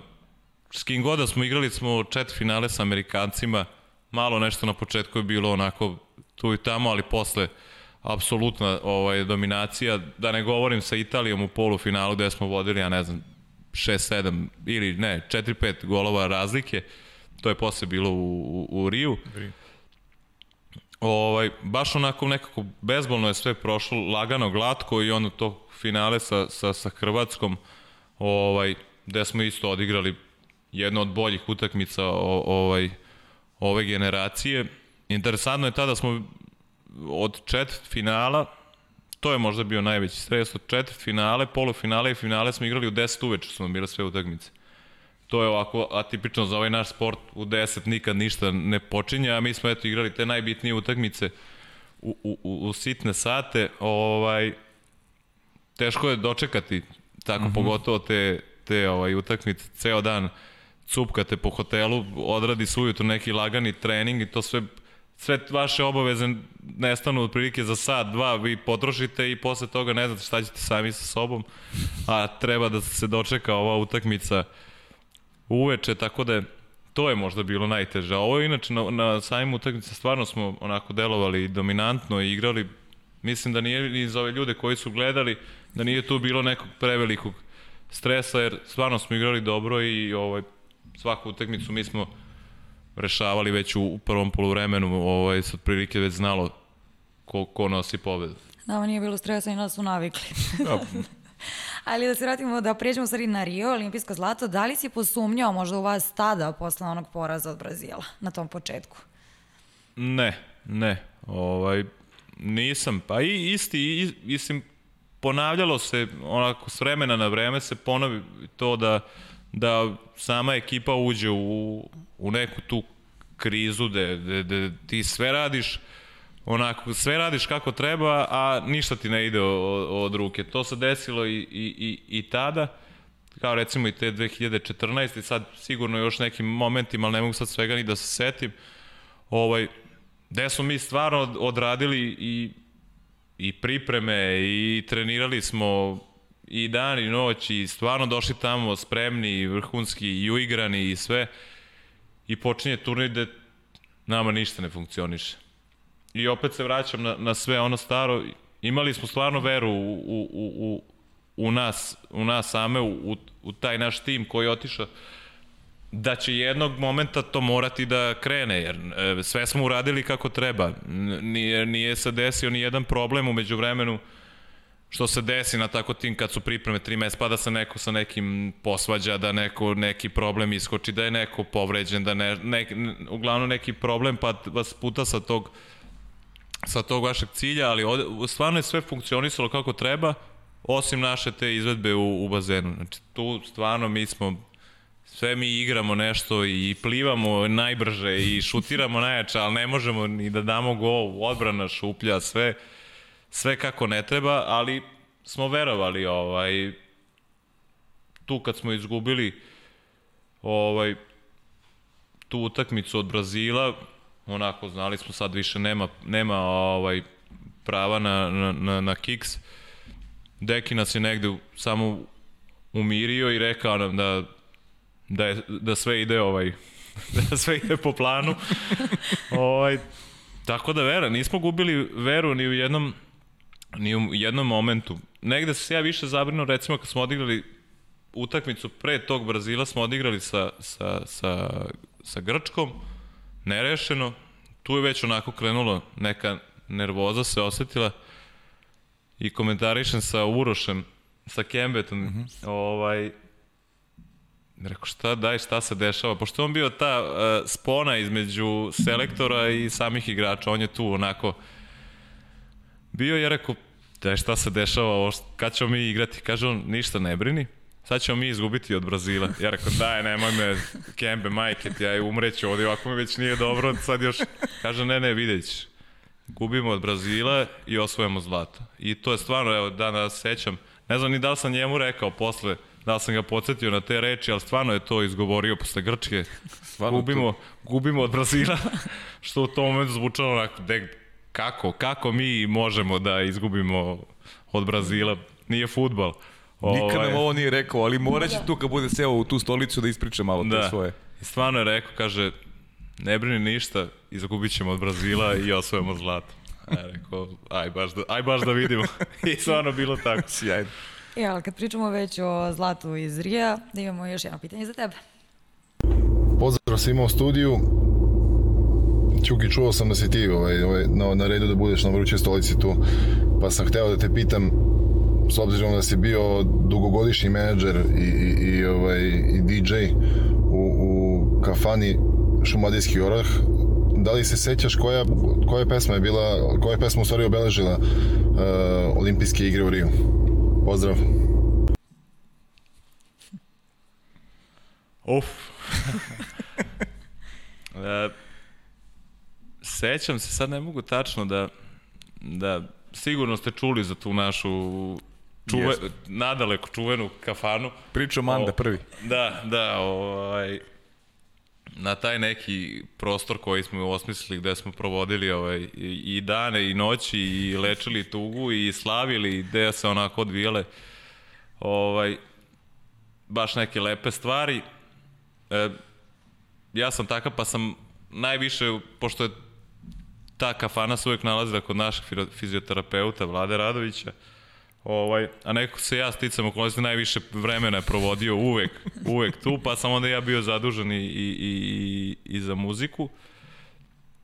A, a Duško sad, Duško, Duško, Duško misli na ovu verziju kad smo krenuli da slavimo. Imali smo i ovu pesmu kad je bila muka, tu je bilo ono zlato zlačano, pa ne mogu da se setim ko peva, ali, ali setit ću se tokom emisije, a za ove veselije momente je bila noć bez sna, tako da, da ovaj, eto, sećam se, sećam se dobro. Glasno ovaj, zlačeno, znači i noć bez sna. Noć bez sna, isto ne mogu sad da setim stav mi mozak ko izvodi ni jednu ni drugu, Moram ali ti priznam da- ova je malo više rock, a ova je... Mene čudi da Marina već nije rekla ko peva. Ja sam Jer što je najgore iznenađen. znam ove pesme, ali ne znam ja, ne mogu Ne, da ne, se ove su malo, ni, nisu pesme od ovih. Da, da, da. novije fele, ovo, to su stare, stare pesme. Pa da, okej. Ovaj, ali, ali stvarno, stvarno je bilo lepo. Tako kad se setim tih nekih, samo me baš Duško podsjetio, tih nekih momenata i to šta se ovaj, dešavalo i kako smo provodili vreme i kako smo sve te neke i, i, i muku i, i, sre, i sreću zajedno tamo ovaj, proživljavali, stvarno me ovaj, le, jako lepe uspomene nosim. Hoćemo o tom finalu. Hoćemo? Hoćemo sada ili Ajde. posle? Ajde. Ti si ga propustio, Miloš. Nisi igrao to finale. To je nešto što svakako ti možda i najteže palo u, u, u, u celoj priči. Opet povreda koja se isprečila do... Da, a ovaj, a cela ta godina 2016 je za mene bila onako što se tiče ovaj povreda vrlo tragična jer sam još u pred ovo evropsko prvenstvo koje je bilo u Beogradu u januaru sam doživao povredu leđa ozbiljnu gde su me za to evropsko prvenstvo baš Vlada Radović i, i, i, i, i Mare Jović, ovaj, fizioterapeut, gde su me krpili bukvalno svaki dan, ne bili nekako to sve ovaj, izdržao to takmičenje i posle evropskog prvenstva u Beogradu ja sam napravio pauzu od jedno, dva, tri meseca, ovaj, gde sam bio sve vreme u Srbiji ovde na tim terapijama i, i oporavku od, od povrede. Onda opet se, sam se vratio u, u Mađarsku, gde je taman počinjala malo pre toga, ali uglavnom nekoliko nedelja pred početak finalne serije ovaj Eger i Solnog što su igrali, gde sam ja doživeo da mene tadašnji moj kapitan iz reprezentacije onako je fino jednom opali posred nosa i da mi je polomio nos na, na utakmici. Ove, žile, Ži- neki, žile, a? da, neki je bio, on je nešto šutirao iz faula, ja sam se nešto ubacivao u blok i on kako je šutno, samo mu je ruka produžila posred nosa i meni je pukao i nos na toj utakmici.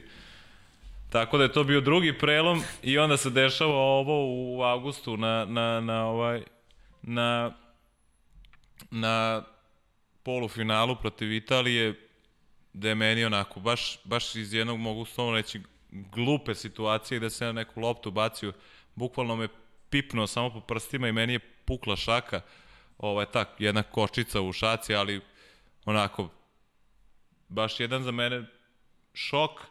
U tom momentu nisam ovaj znao znao šta se dešava, jako me zabolelo, video sam da ne mogu da ne mogu ništa sa sa sa ovaj sa rukom. I sreća je bila da je taj već smo mi tad sa Italijanima već smo mi vodili IHH, ovaj onako igrali smo baš dobro. Ja sam izašao na klupu i doktor onako je prišao, pogledao, kaže mislim da da nije dobro da je ovaj da je puklo po onome pošto sam jednom probao da povuče prst da vidi da li ovaj da li funkcioniše ili ne funkcioniše i izašao sam na, na izašao sam na, na, na klupu i ovaj do, doneli su mi neko gleda, samo je Deki došao i rekao skidaj to sa ruke, neću da, da iko vidi da, da imaš neku povredu. Tako da onda posle te utakmice polufinalne ovaj, smo se vratili u olimpijsko selo gde se ja to snimio i da smo stvarno zaključili onda ovaj, da je puklo, da je za mene turnir gotov, da ja više tu nemam, nemam šta. Ovaj, jedan od težih momenta je bio moj taj kad se vratio u samo selo, kad sam ušao u taj naš kafić gde sam trebao da, da saopštim svima da, da sam ih ovaj da, da, da sam ih ostavio na, na, na, na mm -hmm. da, da, da, ovaj, da proba da, da ne znaju Hrvati da mi imamo jednog igrača manje o, ovaj, za, za, za to finale, pa je onda bilo, pošto je mene stvarno to bolelo, dali su mi neku longetu, sam nosio, I onda je bilo kad negde idemo da ja moram da skinem tu longetu da, da, da ne bi oni videli sad da, da, da, ovaj, da je to, pa su mi onda iz menze ovi moji Sava i Jakša su mi donosili ručak da ja sad ne moram da idem tamo, nego sam sve vreme bio u, u, u vam u, u, u stanu, pa su mi onda oni donosili ručak večeru i to onako probali smo da sve to nekako Sakri. sakrijemo. I na kraju vrhunac tog sakrivanja našeg se desio veče pred finale smo imali trening u istom terminu kada su imali i Hrvati. U isti termin smo imali. I sad kako to obično bio na tom poslednjem treningu, to je neki trening malo uplivavanja, šuterski trening i na kraju se probava igrač više manje, čisto da se malo prođe, da, da, da se uhvati taj ovaj malo osjećaj da se, da se stekne i, i sad mi smo to vežbali, ja sam bio onako na, na ivici i Deki mi je rekao u jednom momentu, Ej, mali, spremi se da uđeš malo, pošto sam ja kao sve vreme skakao, ja sam kao rasplivavao sa njima, nešto sam se vuglio sa, sa, je, sa levom rukom, nešto sam latio tamo po, po vodi. I on mi je rekao, mali, spremi se, ideš tamo da držiš blok kao u odbranu, da li će me staviti na ovu drugu stranu da držim levom ru, rukom blok, kaže ovu samo stavi u gaće i, i dobro je. I stvarno tako je bilo tu kad su se pojavili Hrvati, malo su oni kasnili, mi smo već krenuli da vežbamo, I on me stvarno ubacio, ja se nekako do, do, dogegao do, do te moje pozicije i jedno pet minuta sam učestvovao u tom vežbanju igrača više manje bez jedne ruke. Ovaj, tako da smo uspeli, oni stvarno nisu znali da, da ja neću igrati i pred samu utakmicu ovaj, ja se ponašao kao da, kao da tu utakmicu kao Igraš. da tu utakmicu igram, sve vreme sam se nešto razgibavao, rasplivavao, glumio kao da je sve pod kontrolom. Ovaj, I stvarno nisu znali. Mogu reći da sam pogledao tu utakmicu sa najbolje pozicije, onako sa VIP mesta. ovaj, sre, sreća za mene, mislim sreća u toj nesreći za mene što, što je ta utakmica isto prošla bezbolno, što smo mi stvarno bili dominantni. Ovaj, recimo da, da, da na kraju kad smo osvojili, mislim imam neku žal što nisam učestvovao, ali u krajnjem slučaju po mene lagano sam presedio utakmicu, osvojio zlato i sve ovaj sve je super, tako da ne, Nisi ne, morao da ladiš ruku ovog Da, da, tako da ne mogu da kažem da nešto sad žalim. Ne mogu da žalim kad sam osvojio olimpijsko zlato. Tako, ako je to tako po meni, ako je to tako bilo suđeno i, i ako je to tako trebalo da se desi da bi mi osvojili, uh, ja onda potpisujem da je i sledeće olimpijske igre da ako treba obe da dam na, na panj pa da ovaj da mi opet osvojimo. Tako da ne mogu da kažem krivo mi je malo što nisam igrao, ali opet na kraju spojili smo zlato, tako da baš me briga. baš me briga, jednostavno. A, da. Ja, kaži mi kako podnosiš poraze? Hrvatska u Budimpešti prekinula taj, taj veliki niz koji ste imali, bio si onda u Pyeongchangu ekipa koja je bila malo, ne malo, nego malo više i pomlađena i mm. na kraju evo, evropsko prvenstvo ove godine e, kada ste, u stvari, e, priča svima, vi na evropskim prvenstvima niste izgubili još od 2014. godine, od tog meča sa Mađarima u grupi i ovo nije bio poraz, eto, peterci ovog puta Da. nisu bili na, na, na, na vašoj strani. A dobro, mislim, e, no, normalno je da ne možemo mi pobediti svaku utakmicu. Ovaj.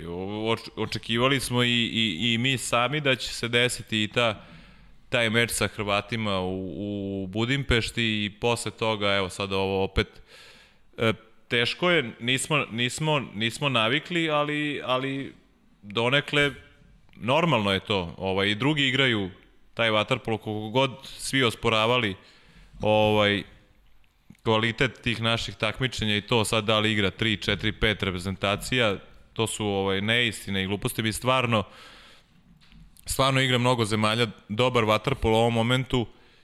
Nama se eto desilo ta dva, dva, ovaj, dva poraza, onako bole, ali nema šta, sastavni je deo to, to ovog našeg sporta. Ne možemo mi, i napravili smo taj niz od 2014. do, do, do 2017.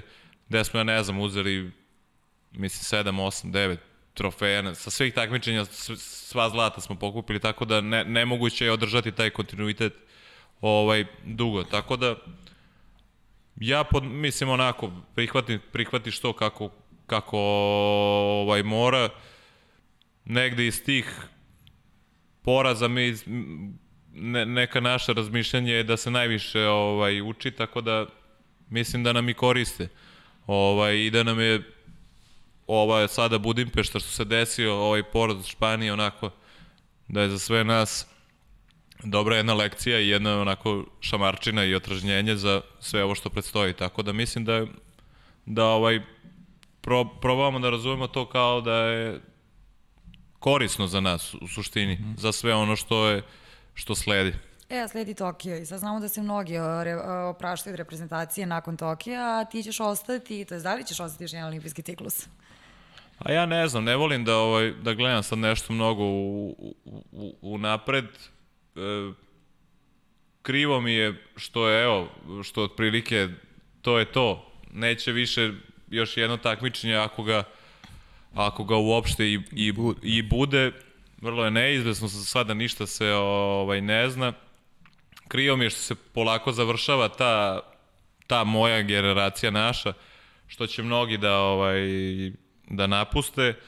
Sad ja konkretno za mene još i dalje ne znam, ne volim ni, ni ne razmišljam pravo da vam kažem o tome da li ću igrati, neću igrati. Ovaj, mislim da dok god bio potreba i dok god mogo da, da ovaj da, da hodam i da mogu da plivam, ja ću igrati ako budem koristio i ako budem ovaj trebao, ja ću igrati sad. Kad, do kad će to biti i koliko će to još trajati, vidjet ćemo. Ali mi je, izuzetno mi je krivo što, ovaj, što se kraj što se kraj približio opasno, ovaj, sve mi je to nekako godinama gledaš pa kao, of, kad će to ovaj, biti da se mi svi rastanemo, jer stvarno, stvarno, ovaj, mnogo lepog vremena smo proveli zajedno. I, i, i lepih i loših trenutaka i ovakvih i onakvih, ali stvarno ja se bar trudim ovaj, da te malo gadne potisnem, a dobro pamtim sve ovo, ovo lepo što se dešavalo i stvarno mnogo uspomena imam i stvarno mi je žao što, što, što eto još manje od godinu dana će, ako bude se ovaj, i odigralo te olimpijske igre, što će se ova generacija naša polako svak na svoju stranu. A kaži mi, ajde podrazumevamo da će biti. Ili veruješ obrnu zlata u Tokiju? A verujem, naravno, ne bi ne bi se odazivao poziv u reprezentaciji da, da ne verujem. Sigurno da ovaj mislim da će biti mnogo teže nego prošli put. -huh. To sigurno ovaj mi smo možda u nekom blagom blagom ovaj padu što se tiče mislim sad možda sam se po, ovaj loše izrazio, ali sigurno da nije da nismo toliko više dominantni u odnosu na ostale kao što je to bilo 2000 ovaj 2016. Možda su drugi malo više napredovali. Moguće i to, moguće i to. Mađari su se značajno ovaj podigli u odnosu na taj period, Španci, Hrvati konstantni kao što su bili onda i sad su isto u samom ovaj samom vrhu ima sad i i Crna Gora je ozbiljan konkurent posle ovog osvajanja medalja tako da ima tu mislim da su nam se drugi isto primakli da mi u, mislimo li da osvojimo morat ćemo ono da pružimo opet nešto van serijsko da, da, da bi odbranili to zlato, ali sigurno ne mislim nego siguran sam da, da je to ovaj moguće izvodljivo, ali ajde ne pričamo o tome da idemo ovaj korak po korak da ne bi nešto malerisali, ali budemo li ja mislim pravi, imamo ovaj velike šanse. I kao što mi kažemo, bez pritiska, mi to očekujemo. Da, da. Pa da, koji na svako. Pa da. Bez pritiska uzmite zlato. Uzmite zlato. da. E, da se vratimo na onaj početak i tvoju klubsku karijeru i vreme je da pređemo na Novi Beograd. Kako, si, kako se dogodilo to da se vratiš u srpski vaterpolo? A dogodilo se, ovaj, dobio sam stvarno poziv Vlada, Vlada Vujasinović me ovaj, zvao, rekao mi je šta su njihovi neki, neki planovi za, za budućnost, da je klub nov, ali da, da imaju ambicije ogromne, ne samo što se tiče ovog našeg domaćeg prvenstva, nego da je njima interes i da se izađe u, u, u Evropu u narednih u ovoj ili u sledećoj godini već, da, ovaj, da su ambicije ogromne. I meni stvarno u ovoj situaciji i sa tom koronom i sve što se dogodilo, najviše mi i odgovaralo i prijelo da budem da budem kod kuće, tako da ovaj to su neke stvari koje su prelomile šta mogu reći za, za Novi Beograd? Za sada, evo, ja sam dva meseca ovaj, u, u klubu. Počeli smo u septembru, smo se okupili. Za sada stvarno deluje sve onako kako treba. E, funkcioniše klub stvarno dobro. Sad nadam se da kucam u drvo da neće se nešto poremetiti, ali za sada stvarno funkcioniše sve onako kako treba. Imamo stvarno dobre uslove vamo na Novom Beogradu Tako da mislim da nema razloga da ne bude ovaj da, da ne bude nešto loše i da mislim da je za mene onako da na kraju se ispostavilo da je dobra možda odluka s obzirom na, na sve ovu novonastalu situaciju, ovo što nam se dešava sada, ovaj, drago mi što sam kod kuće, drago mi što sam došao u klub koji ima ovaj, i ambicije i funkcioniše, i funkcioniše dobro, tako da ovaj, mislim da će biti sve kako treba. Ja, mnogi gledalci su i pitali kako je to imati Vujasa za trenera. pa, zavisi kog Vujasa. Ja sam imao Vujasa iz 2013. Tog Vujasa ne bi preporučio nikome. tu je stvarno bilo muka, muka ovaj, raditi njegova prva godina trenerska. Mi smo stvarno, ja ne znam koliko smo mi trenirali sati dnevno, koliko smo plivali, koliko smo u teretani bili, stvarno je tog vuja se iz tog perioda ovaj, ne bi nikome preporučio. A sad o, ovaj no, novi, novi vujas. novi vujas, da, onako, mogu reći da je, da je, da je e, po meni onako nešto što je dobro, što što se ne, tre, ne treniramo mi sada, ne znam, tu sate i sate. Trening je onako sat, sat i po vremena, ali u tih sat i po vremena odradi se sve šta treba. Znači nema, nema ovaj nekog praznog lufta ili što ima kod nekih trenera se desi da, da, da si u bazenu, ne zna ni on ni ti zašto, zašto si i dalje ovaj, u vodi i šta, ono, samo je samo da istekne onaj drugi sat i onda te on pušta pušta da ideš, a ovaj, ovde trening traje onoliko koliko nam treba da završimo sve šta nam treba za, za, za, za tu nedelju. Tako da su to neke stvari koje mi sad baš odgovaraju ovaj, i za razliku od onog prošlog vremena imamo mnogo više slobodnih treninga, tako da i to je ovaj i to je dobro. Tako da sad je, o, ovaj novi Vujas super. Odgovara novi Vujas. I mi smo tog novog Vujasa i ugostili ovde, tako da pričali smo s tim novim Vujasom, da, s da, starim da. nismo. E, a kako ti se čini početak kada je Liga u pitanju? Odigrana su četiri kola, kako ti kao jedan vrhunski igrač gleda na ono što je potencijala srpskog vaterpola? Kako ti se Liga ko Liga dopada i kako, e, kako ti izgledaju ti mladi momci koji treba da postanu vaši naslednici?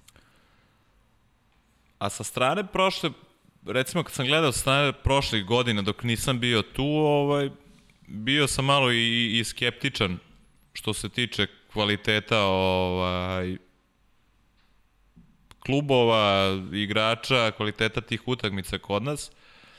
Sad kad sam se vratio vidim da stvarno, stvarno ima mnogo, mnogo dobrih igrača. Ovaj, iz ovih no, novih ovih generacija što dolaze ovih između 18 i 21, 22 godine koje ovaj, sad i ja upoznam mnogi od njih ni ne znam. Lično sad se poznajem kroz ove utakmice. Stvarno imamo ovaj, ovaj do, po meni dobru bazu. I ima, ima kod tu da da ovaj ozbiljno konkuriše i, i, i za reprezentaciju i ima ima kvaliteta, ovaj dosta dobri su dobri su momci u većini klubova. Ovaj dobro je za njih što je ova, ovo prvenstvo ove godine će biti neizvesno što su prve ove četiri ekipe negde podjednako, podjednako kvaliteta što će stvarno doći do izražaja onih ko bude ovaj najbolje radio i trenirao, verovatno će se dočepati tog nekog željenog trofeja, tako da mislim da je za njih sve dobro ovaj što će imati mnogo tih teških i neizvesnih utakmica za njihovo to neko iskustvo, a opet sa druge strane mislim da će biti interesantno i, i, i za, za publiku. Mislim da, da, da je malo ovaj, poraslo interesovanje kod nas za, za, za Vatarpol od kako se ovo desilo sve, gde su se i vratili nekolicina igrača u, u zemlju i gde smo podigli ovaj, ovaj kvalitet lige na jedan viši nivo u odnosu na prethodne godine, tako da mislim da stvarno ovaj, bit će dobrih utakmica i pre svega za publiku do, dobrih ovaj mečeva za pogledati, tako da očekuje nas jedno neizvesno, a po meni kvalitetno i dobro prvenstvo. Ja sam mi smo manje više kompletirali klubsku i reprezentativnu karijeru, imamo još milion pitanja gledalaca, ali ono što ja volim da kažem je da si još jedan vaterpolista posvećen obrazovanju i otkud baš ekonomija? Pa, sti, sticajem okolnosti, ovaj, ne znam, tako je neki put sam, sam izabrao, ovaj, nisam teo da se da, da se latim nešto oko, oko sporta, u ovome vidim neku onako širinu veću za budućnost, tako da, da, da, da to je neki moj izbor sad. Vidjet ćemo gde će me ovaj put odvesti, trenutno nešto što je što je za, za, za mene neka neki posao možda u, u kome se, se vidim i u kome se manje ili više okuša već u proteklom nekom periodu, to je ovaj, oko poljoprivrede, dosta smo ja i, i brat, neke smo ovaj, stvari radili, evo sad smo završili da, da smo posadili neke voćnjake, pa da se počeli porodično ovaj, da se bavimo sa tim, ja malo manje, u stvari ja mnogo manje, a on i, i, i, i tata mnogo više, ali ovaj, to je neka, nešto što, neka naša trenutna okupacija oko što se tiče neke budućnosti, gde u tome možda vidimo ovaj, neku, našu, neku našu šansu, tako da pitanje je šta će biti sa tom ekonomijom. Ja bi možda više volao nešto ovako da samostalno mogu da, da, da, da, da radim, tako da vidjet ću šta ali nosi. Ali svako lepa poruka za sve mlade da može sporati i škola. Može, može, ali teško. teško. Ali teško. pa ili imaš još neko pitanje ili da krećemo na pitanje gledalaca? Pa Kako ti kažeš? Imamo toliko pitanja. Svaki put kažem da nam stiže uh, toliko i komentara i pitanja, ali za tebe je stiglo najviše, stvarno. Tako da da krenemo mi redom jer ima, ima baš dosta. Ajde da vidimo ko je najbolji vaterpolista s kojim si igrao. Najbolji, a nezahvalno je pitanje. Da se neko ne uredi. Ali neko od ovih mojih iz, mo, iz ove moje generacije ima ih sigurno trojica ali ne bi nikog izdvajao. Ali iz moje ove generacije po meni, po meni je, ovaj, su najbolji. Naravno, ajde, evo, da ne bude sigurno e, najbolji svako na, svako na, na, na svojoj poziciji, ne bi mogo nikog da ovaj, mm -hmm. To su Prle, Duško i Filip vamo na, na desno, znači onako po pozicijama. Mm -hmm. Mislim da od njih na tim pozicijama, bar ovo od kad ja igram, nije, nije, nije bilo ovaj, boljih. E, da li podržavaš dva treninga dnevno ili si za smanjenje radnog dana? Zavisi kako dva. dva treninga. Dobro. Zavisi kako, ali sigurno da zavisi od momenta. Nekad je potrebno, nekad i nije baš. Sad, e, obično kod ovih trenera stare škole to mora da se ispuni ovaj dva dnevno, pa kako god, ovaj, ali malo prateći ove druge neke sportove, recimo futbal ili, ili u košarku, sada imao sam prilike sa, ne, sa nekim malo od iz tih ljudi iz tih, iz, tog, iz tih sportova da, da razgovaram, ovaj, sve više se prebacuje to na jedan trening, jer je ovaj ritam koji sada ima i broj utakmica u svim sportovima je došao do nekog neverovatne cifre, tako da više ni nema vremena za neki, za neki ovaj pravi trening. Sve uglavnom se bazira na jednom dnevno neki oporavak, tako da sve zavisi od, od, od momenta. E, ja moram da pročitam jer ću zaboraviti od naših kolega iz Vaterpola Storija. Ja volim tako s vremena vreme da vam pročitam da vas hvalim. Miloš i Marko kao jedan sjajan porodični primer srpskog vaterpola, obojica sa velikim karijerima bez problema i tu bravo za roditelje. Miloš je tvrdim neopravdano bio van tima u Londonu 2012. ali vratilo mu se kroz sva druga takmičenja, kasnije i posebno Rio. Čovjek koji pleni svojom mirnoćom, ali i munjevitim golovima, ubica dečijeg lica. Sjajan period u mladosti i verujem da će kroz rad sa Vujesom i Čirom dodatno da napreduje. Puno toga se reklo o njegovoj karijeri, ali kako je bilo biti kapiten momcima na svetskom prvenstvu 2019. I nismo često pominjali kako se vaterpolisti hrane i šta je to čega se najteže odrekne u trenažnom periodu. Uf, no, mnogo pitanja. da, A Da, može, a pitanja, možeš ali još ovo jedno su da bile- pročitaš? Misliš ovo ideo da te hvalim ili pitanja? ovaj, a šta je? Prvo, prvo, Prvo je bilo pitanje za je kako je biti kapiten momcima na E, svetskom prvenstvu. čast ogromna, ali video sam da je i obaveza ogromna. Ovaj, E, ne, nezgodan je bio taj sam moment našeg tog svetskog prvenstva, jer, jer se završila ovde svetska liga i mi stvarno nismo imali vremena e, da se pripremimo i da se malo uigramo, ipak iako mi treniramo tu zajedno to celo leto, negde kad su otišli ovi, ovi naši stari, onda kad se ekipa promenila, treba tu neki ipak period malo uigravanja i da se mi upoznamo, da vidimo, promenili su sa, same uloge unutar ovaj ekipe, tako da je bilo ovaj teško nama na, na, na tom svetskom prvenstvu. Na kraju smo se onako i napravili neki rezultat, ne nešto preterano sjajan, ali respektabilan za, za taj moment i, i za tu ekipu, jer ipak su tu, tu bilo mnogo mladih igrača ovaj, koji će nas predstavljati u, u, u narednom periodu. A što se tiče kapitenske ovaj, trake na tom, ogromna čast, ali opet kažem i obaveza. Ja, mnogi su nam čak napisali da si je neopravdano bio van tima u Londonu 2012.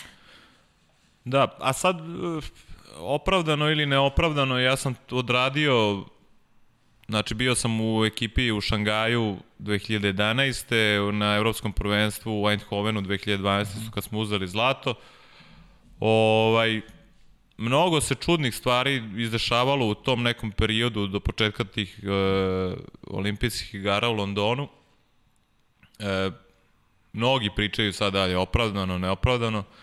Ja negde sam stavio e, tačku na sve to tog dana kad sam ja saznao da, da ovaj da, da ne idem na olimpijske igre, malo je tad ispalo recimo ružno, smo mi sa, saznali Bane i ja da, da ne idemo na olimpijske igre, pročitali smo na portalu u, u novinama, pa nam je tek onda selektor ovaj, Udovičić saopštio to na treningu posle.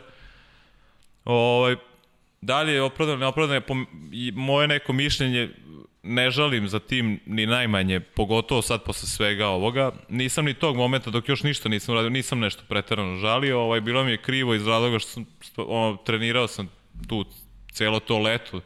Ovaj, toga mi je bilo najžalije što sam celo leto proveo u bazenu i na kraju su samo onda rekli idi kući. Ali ovaj, sad sa ove tačke gledišta ne žalim ni malo. Mm, dalje po meni zasluženo ili nezasluženo, po meni je zasluženo da nisam otišao. Sad sa ove tačke gledišta i, i mislim da je, da je mi je meni lično to ovaj donelo donelo više dobrog nego lošeg. Da sam iz toga nešto uspeo da da zaključim i da shvatim, tako da ovaj mislim da bilo je onako kako je trebalo da bude. I još jedno ću ja pitanje samo do ti. istorija, pa da nastavimo. A, vaterpolist i ishrana i šta je, toga, šta je to čega se najteže odrekneš u trenažnom periodu? Ishrana, a ja nisam neki baš primer što se tiče te, ovaj, to, te ishrane. Milan mi baš često ovaj, sugeriše ovaj, šta treba, šta ne treba, ali u suštini na, bitno je, bitno je ovaj, kvalitet tih namirnica, šta, šta unosiš u sebe, mislim, sigurno da, da ovaj, treba se posavetovati uvek sa nekim ko se bavi s tim stvarima. Mi tokom, tokom ovaj, priprema i toga imamo onako otprilike neke u, u kratkim crtama šta bi trebali, a šta ne bi, tako da ovaj, Ali koji zavisno... sve. Da, pa u suštini jedemo, ovaj, jedemo sve. Jedini moment ako neko ima problem sa kilažom, to može da ovaj bude ozbiljan problem, pa da onda već mora da se buši kašika, e to je onda ovaj muka, ali u suštini mi jedemo sve, ovaj nama su trezi prilično naporni, pogotovo u tom nekom ovaj pripremnom periodu. Tako da tu šta god ti pojeo na treningu će da sagori, tako da nemam ovaj nismo bar imali tih nekih problema. Imali smo recimo, evo da napomenem, Baneta Mitrovića koji je napisao i knjigu oko te ishrane i treninga pravilnog. Ovaj, pa je onda u Riju recimo smo, bio je Nole, Nole se pojavio, Novak Đoković na jedno dva, tri dana tu u našem olimpijskom timu. Inače on, ja mislim, bio u nekom hotelu je ovaj, spao, nije bio u olimpijskom selu.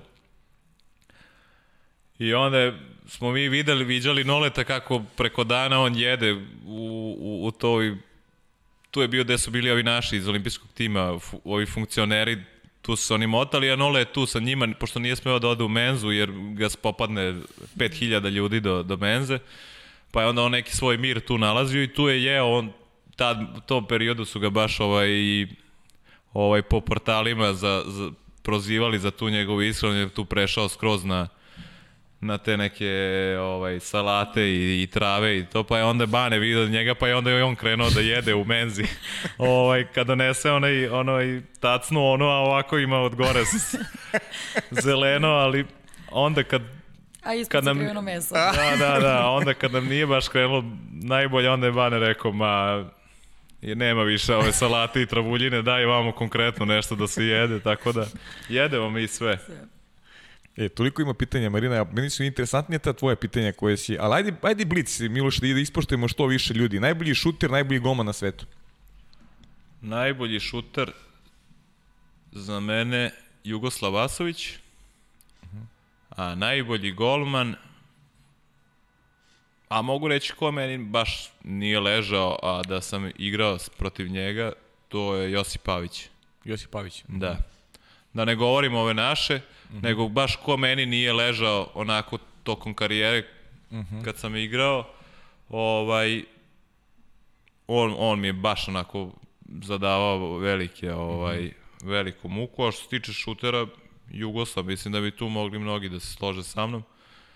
Jer ja ko mali još sam gledao neke te njegove golove dok je on još i mogao sve da izvede ovaj posle, posle smo odigrali, ja mislim, jedan protiv drugog na kraju njegove karijere kad se vratio u Zvezdu, pa sam imao priliku i tu da ga ovaj gledam. Ali po meni je on ovaj stvarno, sad ja nadalje unazad, sad Da, ima dobro. tu velikih šutera, ali ovo iz, iz mog nekog doba je on. Centar najteži za čuvanje i kad te neki sudija najviše iznervirao? E, centar najteži, a nisam ja mnogo susretao sa, sa, sa, sa centrima, nije mi takva, takva ovaj, pozicija. Recimo na, na, na, u Solnoku dok sam igrao pa par puta na treningu, e, Kiš Gabor, on je onako recimo baš, baš ovaj, em, znaju svi da je bio vrhunski, nema šta, ali jedan čovek od, ja ne znam koliko on ima, 130-140 kila, koji ima reakciju kao da, kao da ima 60 kila, nešto ne, ne, neverovatno je bio onako eksplozivan za tu njegovu masu, a pritom je bio neverovatno i jak, tako da eto, recimo njega bi izdvojio možda za to čuvanje.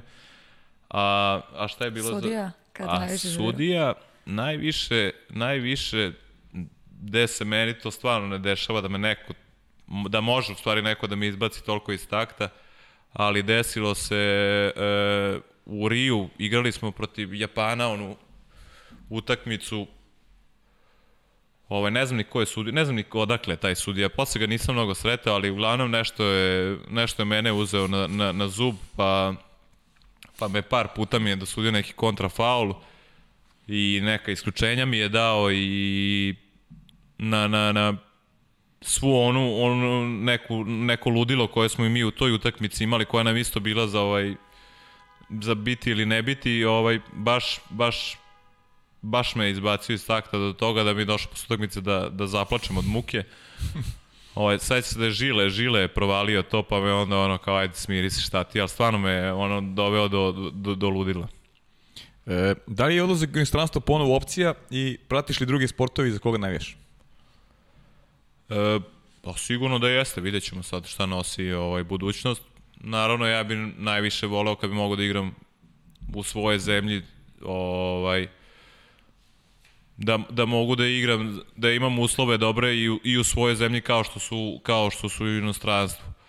A što se tiče drugih sportova, pratim sve manje ovaj, od kako sam postao i, i roditelj, pa malo se to moje slobodno vreme polako ovaj, nestalo.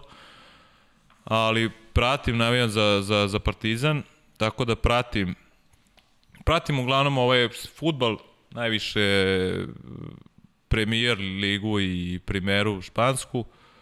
Pratim i košarku kad ima, pratim, volim da gledam Partizan košarku kad igraju, tako da volim sport inače, ali u poslednje vreme sve manje i manje vremena imam za to, tako da ovaj, tražim nekih svoj, onako, da pobegnem nekada, da pogledam nešto, neki kvalitetan, ali volim sport, baš.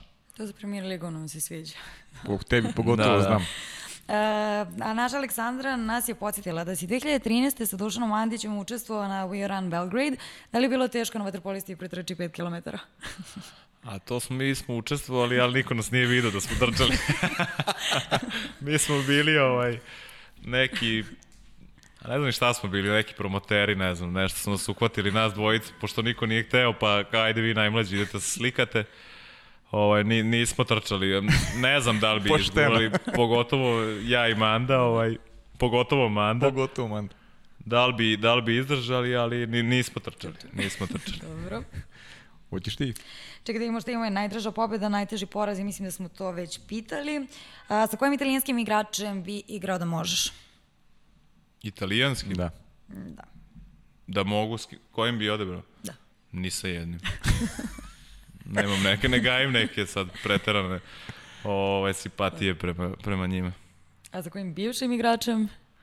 Bi volao da igraš u istom timu, da, to je isto pitanje. Isto italijanski. Ne, ne, ne, ne, ne. sa bivšim igračem. Evo, šta ste me napali sa, sa ovim Tako pitaju ljudi. Uf, pa ne znam sad. Ne znam koga bi voleo ovaj, da... Ne znam koga bi izdvojio, nemam pojma sad iskreno.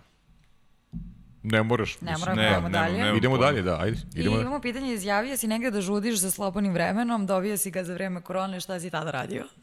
Uf, tad sam, da, dobio sam ga, tad sam stvarno, ovaj, pošto smo se vratili, dan pred, e, pred pred proglašenja ovog vanrednog stanja koje je bilo u martu, mi smo se vratili iz Grčke, bili smo na pokušaju, u pokušaju da, da odradimo neke pripreme sa njima tamo. Međutim, kad smo stigli tamo i tamo je bilo sve otkazano, svi bazeni su bili zatvoreni i mi smo se vratili i taj dan proglašeno je vanredno stanje i svi koji su ovaj, ušli u zemlju morali su da idu u onaj obavezan karantin. Tako da, taj neki prvi period mog karantina sam proveo sa mojim kumom Borisom Apenskim na, na jednoj vikendici, tako da mi je taj period stvarno prijao. Ovaj, izolovali smo se od, od svih, pošto je on isto doputovao odnekle, pa i on morao u karantin, tako smo bili zajedno, smo proveli i stvarno se tu onako odmorio, bili smo u, šumi, u brdu, negde smo se zavukli i stvarno, stvarno mi je prijelo to do jednog momenta više kad mi je onda i to dosadilo, jer stvarno je bilo ovaj, 28 dana smo bili u, u tom karantinu, nije lako biti u, u kući toliki period. Tako da prijalo je jedan moment, onda već posle nekih mesec dana vidi, vidiš i sam da, da to nije za nas normalno i da, da, da već ti sam organizam žu, žudi za ne- nekom aktivnošću jer ovaj kreću polako i kile kod nas je to kod nas to ovaj nadaleko poznato da vaterpolisti brzo ovaj nabiju i kilažu kad čim stanu aktivnosti tako da krenu odmah i ti Počne da problemi. bazen. I da, i na kraju fali bazen. I stvarno je falio taj period, nije moglo da se trenira, bili su zatvoreni svi bazeni. Tako da, ovaj, prijalo je jedan određen vremenski period, ali onda već posle mesec dana stvarno onda bi već je bilo ne, neizdrživo. Imamo još milion pitanja, a hoćemo da... Hoć, imaš... hoćemo ovaj koji stima glavni za dobru atmosferu na putovanjima i, E, bravo. i proslavama A iz kog tima? O, iz reprezentacije. Pa, Mitra bi možda iz Stefana Mitrovića, Mhm. on je tu za, za, ovaj, za dobro raspoloženje. Ali ima, imaju svi smisla za, i, i za humor i za dobar provod i za, Mhm. za ovu zezanciju, tako da ovaj, Mit, Mitketa bi ja to izdvojio. Životni i sportski moto? Samo budi uporan. To može iz jedno i iz drugo, definitivno. Pa može, da. Hoćeš porodicu ovo još i da... E, da, za kraj, pošto i stvarno smo dobili toliko pitanja, manje više smo odgovorili kroz intervju, ali ono što ja uvek volim da kažem je da je porodica najvažnija stvar na svetu. Imaš, uh, oženio si dugogodišnju devojku Jovanu, imaš sina Mihajla, evo čestitali smo ti drugo dete, pa eto da ih pozdravimo. Da, pa evo, pozdravljam ih ovom prilikom. Ovaj, vidimo se večeras kući. ovaj, da, do, evo sad pre dva meseca dobio sam i čerku Milu. Ovaj, I tu je No- dosta odricanja, naravno, Da, da. o, o, obostranog svakako. shvatio sam ovu, ovu razliku, recimo baš sa Milanom sam pričao između jednog i, je, kad imaš jedno dete i drugo, da je to nešto skroz potpuno ovaj, drugačije. Sa jednim detetom, aj tu još i može da prođe malo, malo budeš sa njim, pa malo baba, malo deda, mamo, malo mama, pa nekako se tu iskobeljaš da nađeš sebi svoj neki mir, jedno sat vremena dnevno, ali sad sa dvoje dece, ovaj, to je potpuno jedna druga dimenzija i, i, ovaj, i obaveza i stvarno je to neko moje slobodno vreme za koje žudim je potpuno se izgubilo i ovaj ali naravno nema ne, ne, nema ništa ovaj nema ništa lepše. Ona je još mala beba pa tako da da sada ja najviše vremena provodim sa sinom. Ovaj sad ja i on zajedno tumaramo. Ovo, jedino što je dobro, što je recimo povuko je to na mene, negde krenemo da šetamo, kaže on, tata, daj da sednemo u kafić. I onda rekao, ma da, sine, šta ćemo, gde ćemo mi sad? Normalno, pa kako? Tako da sednemo mi u kafić da popije sok, pa onda polako. Sjajno. A, ovaj, pa čeki, ej, imao sam još nešto pre nego što ti odjaviš emisiju. Da, to sam da ti kažem, Zlato Zlaćano, Nedeljko Bajić. Jesi googlao? Jesam. A ne znam dalje Nedeljko, ba, nije neka žena peva. Pa ne znam, evo, našli smo, dobili smo sugestiju ovde da je Nedeljko Bajić. Googlali smo. Onda nije ta verzija. Nije ta verzija. Ima više verzija, znači tih pesma. Dobro, dobro. Da.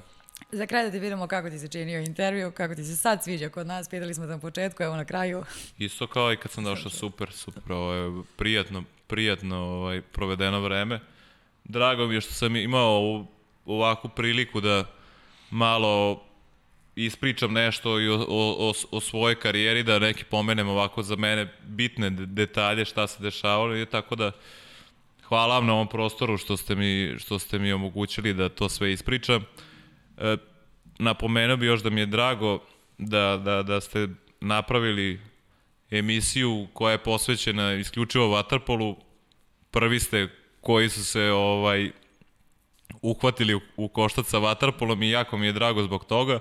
A druga stvar, ovaj format emisija jako volim i baš pratim u poslednje vreme. Pored vas ovaj, ima još, još jedno dve emisije koje ima Zagrebčani, neki imaju podcast inkubator i ima Galeb Nikačević, naš, uh -huh. eto, recimo, i vi ste te tri, te tri ove, mislim, baš pratim redovno, tako da mi je jako drago da sam bio gost u jednom, u jednom takvom formatu.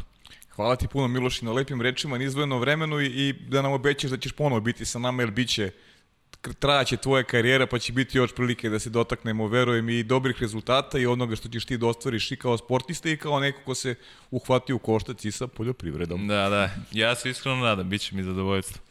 Eto, Miloše, ja se zahvalim još jednom. Mi nećemo da najavljamo sledećeg gosta. Ne možemo. Da držimo malo u Pa da, i, i neizvesnost, a i mi živimo u neizvesnosti zbog ovog koronavirusa, tako da bolje da bolje da ćutimo, da držimo neke stvari za sebe i i da čekamo četvrtak sledeći. Tako je, da prate naše Instagram profile i da sačekaju da saznaju ko je sledeći gost. Uživajte u intervju sa Milošom Ćukom. Hvala vam na pažnji i prijetno.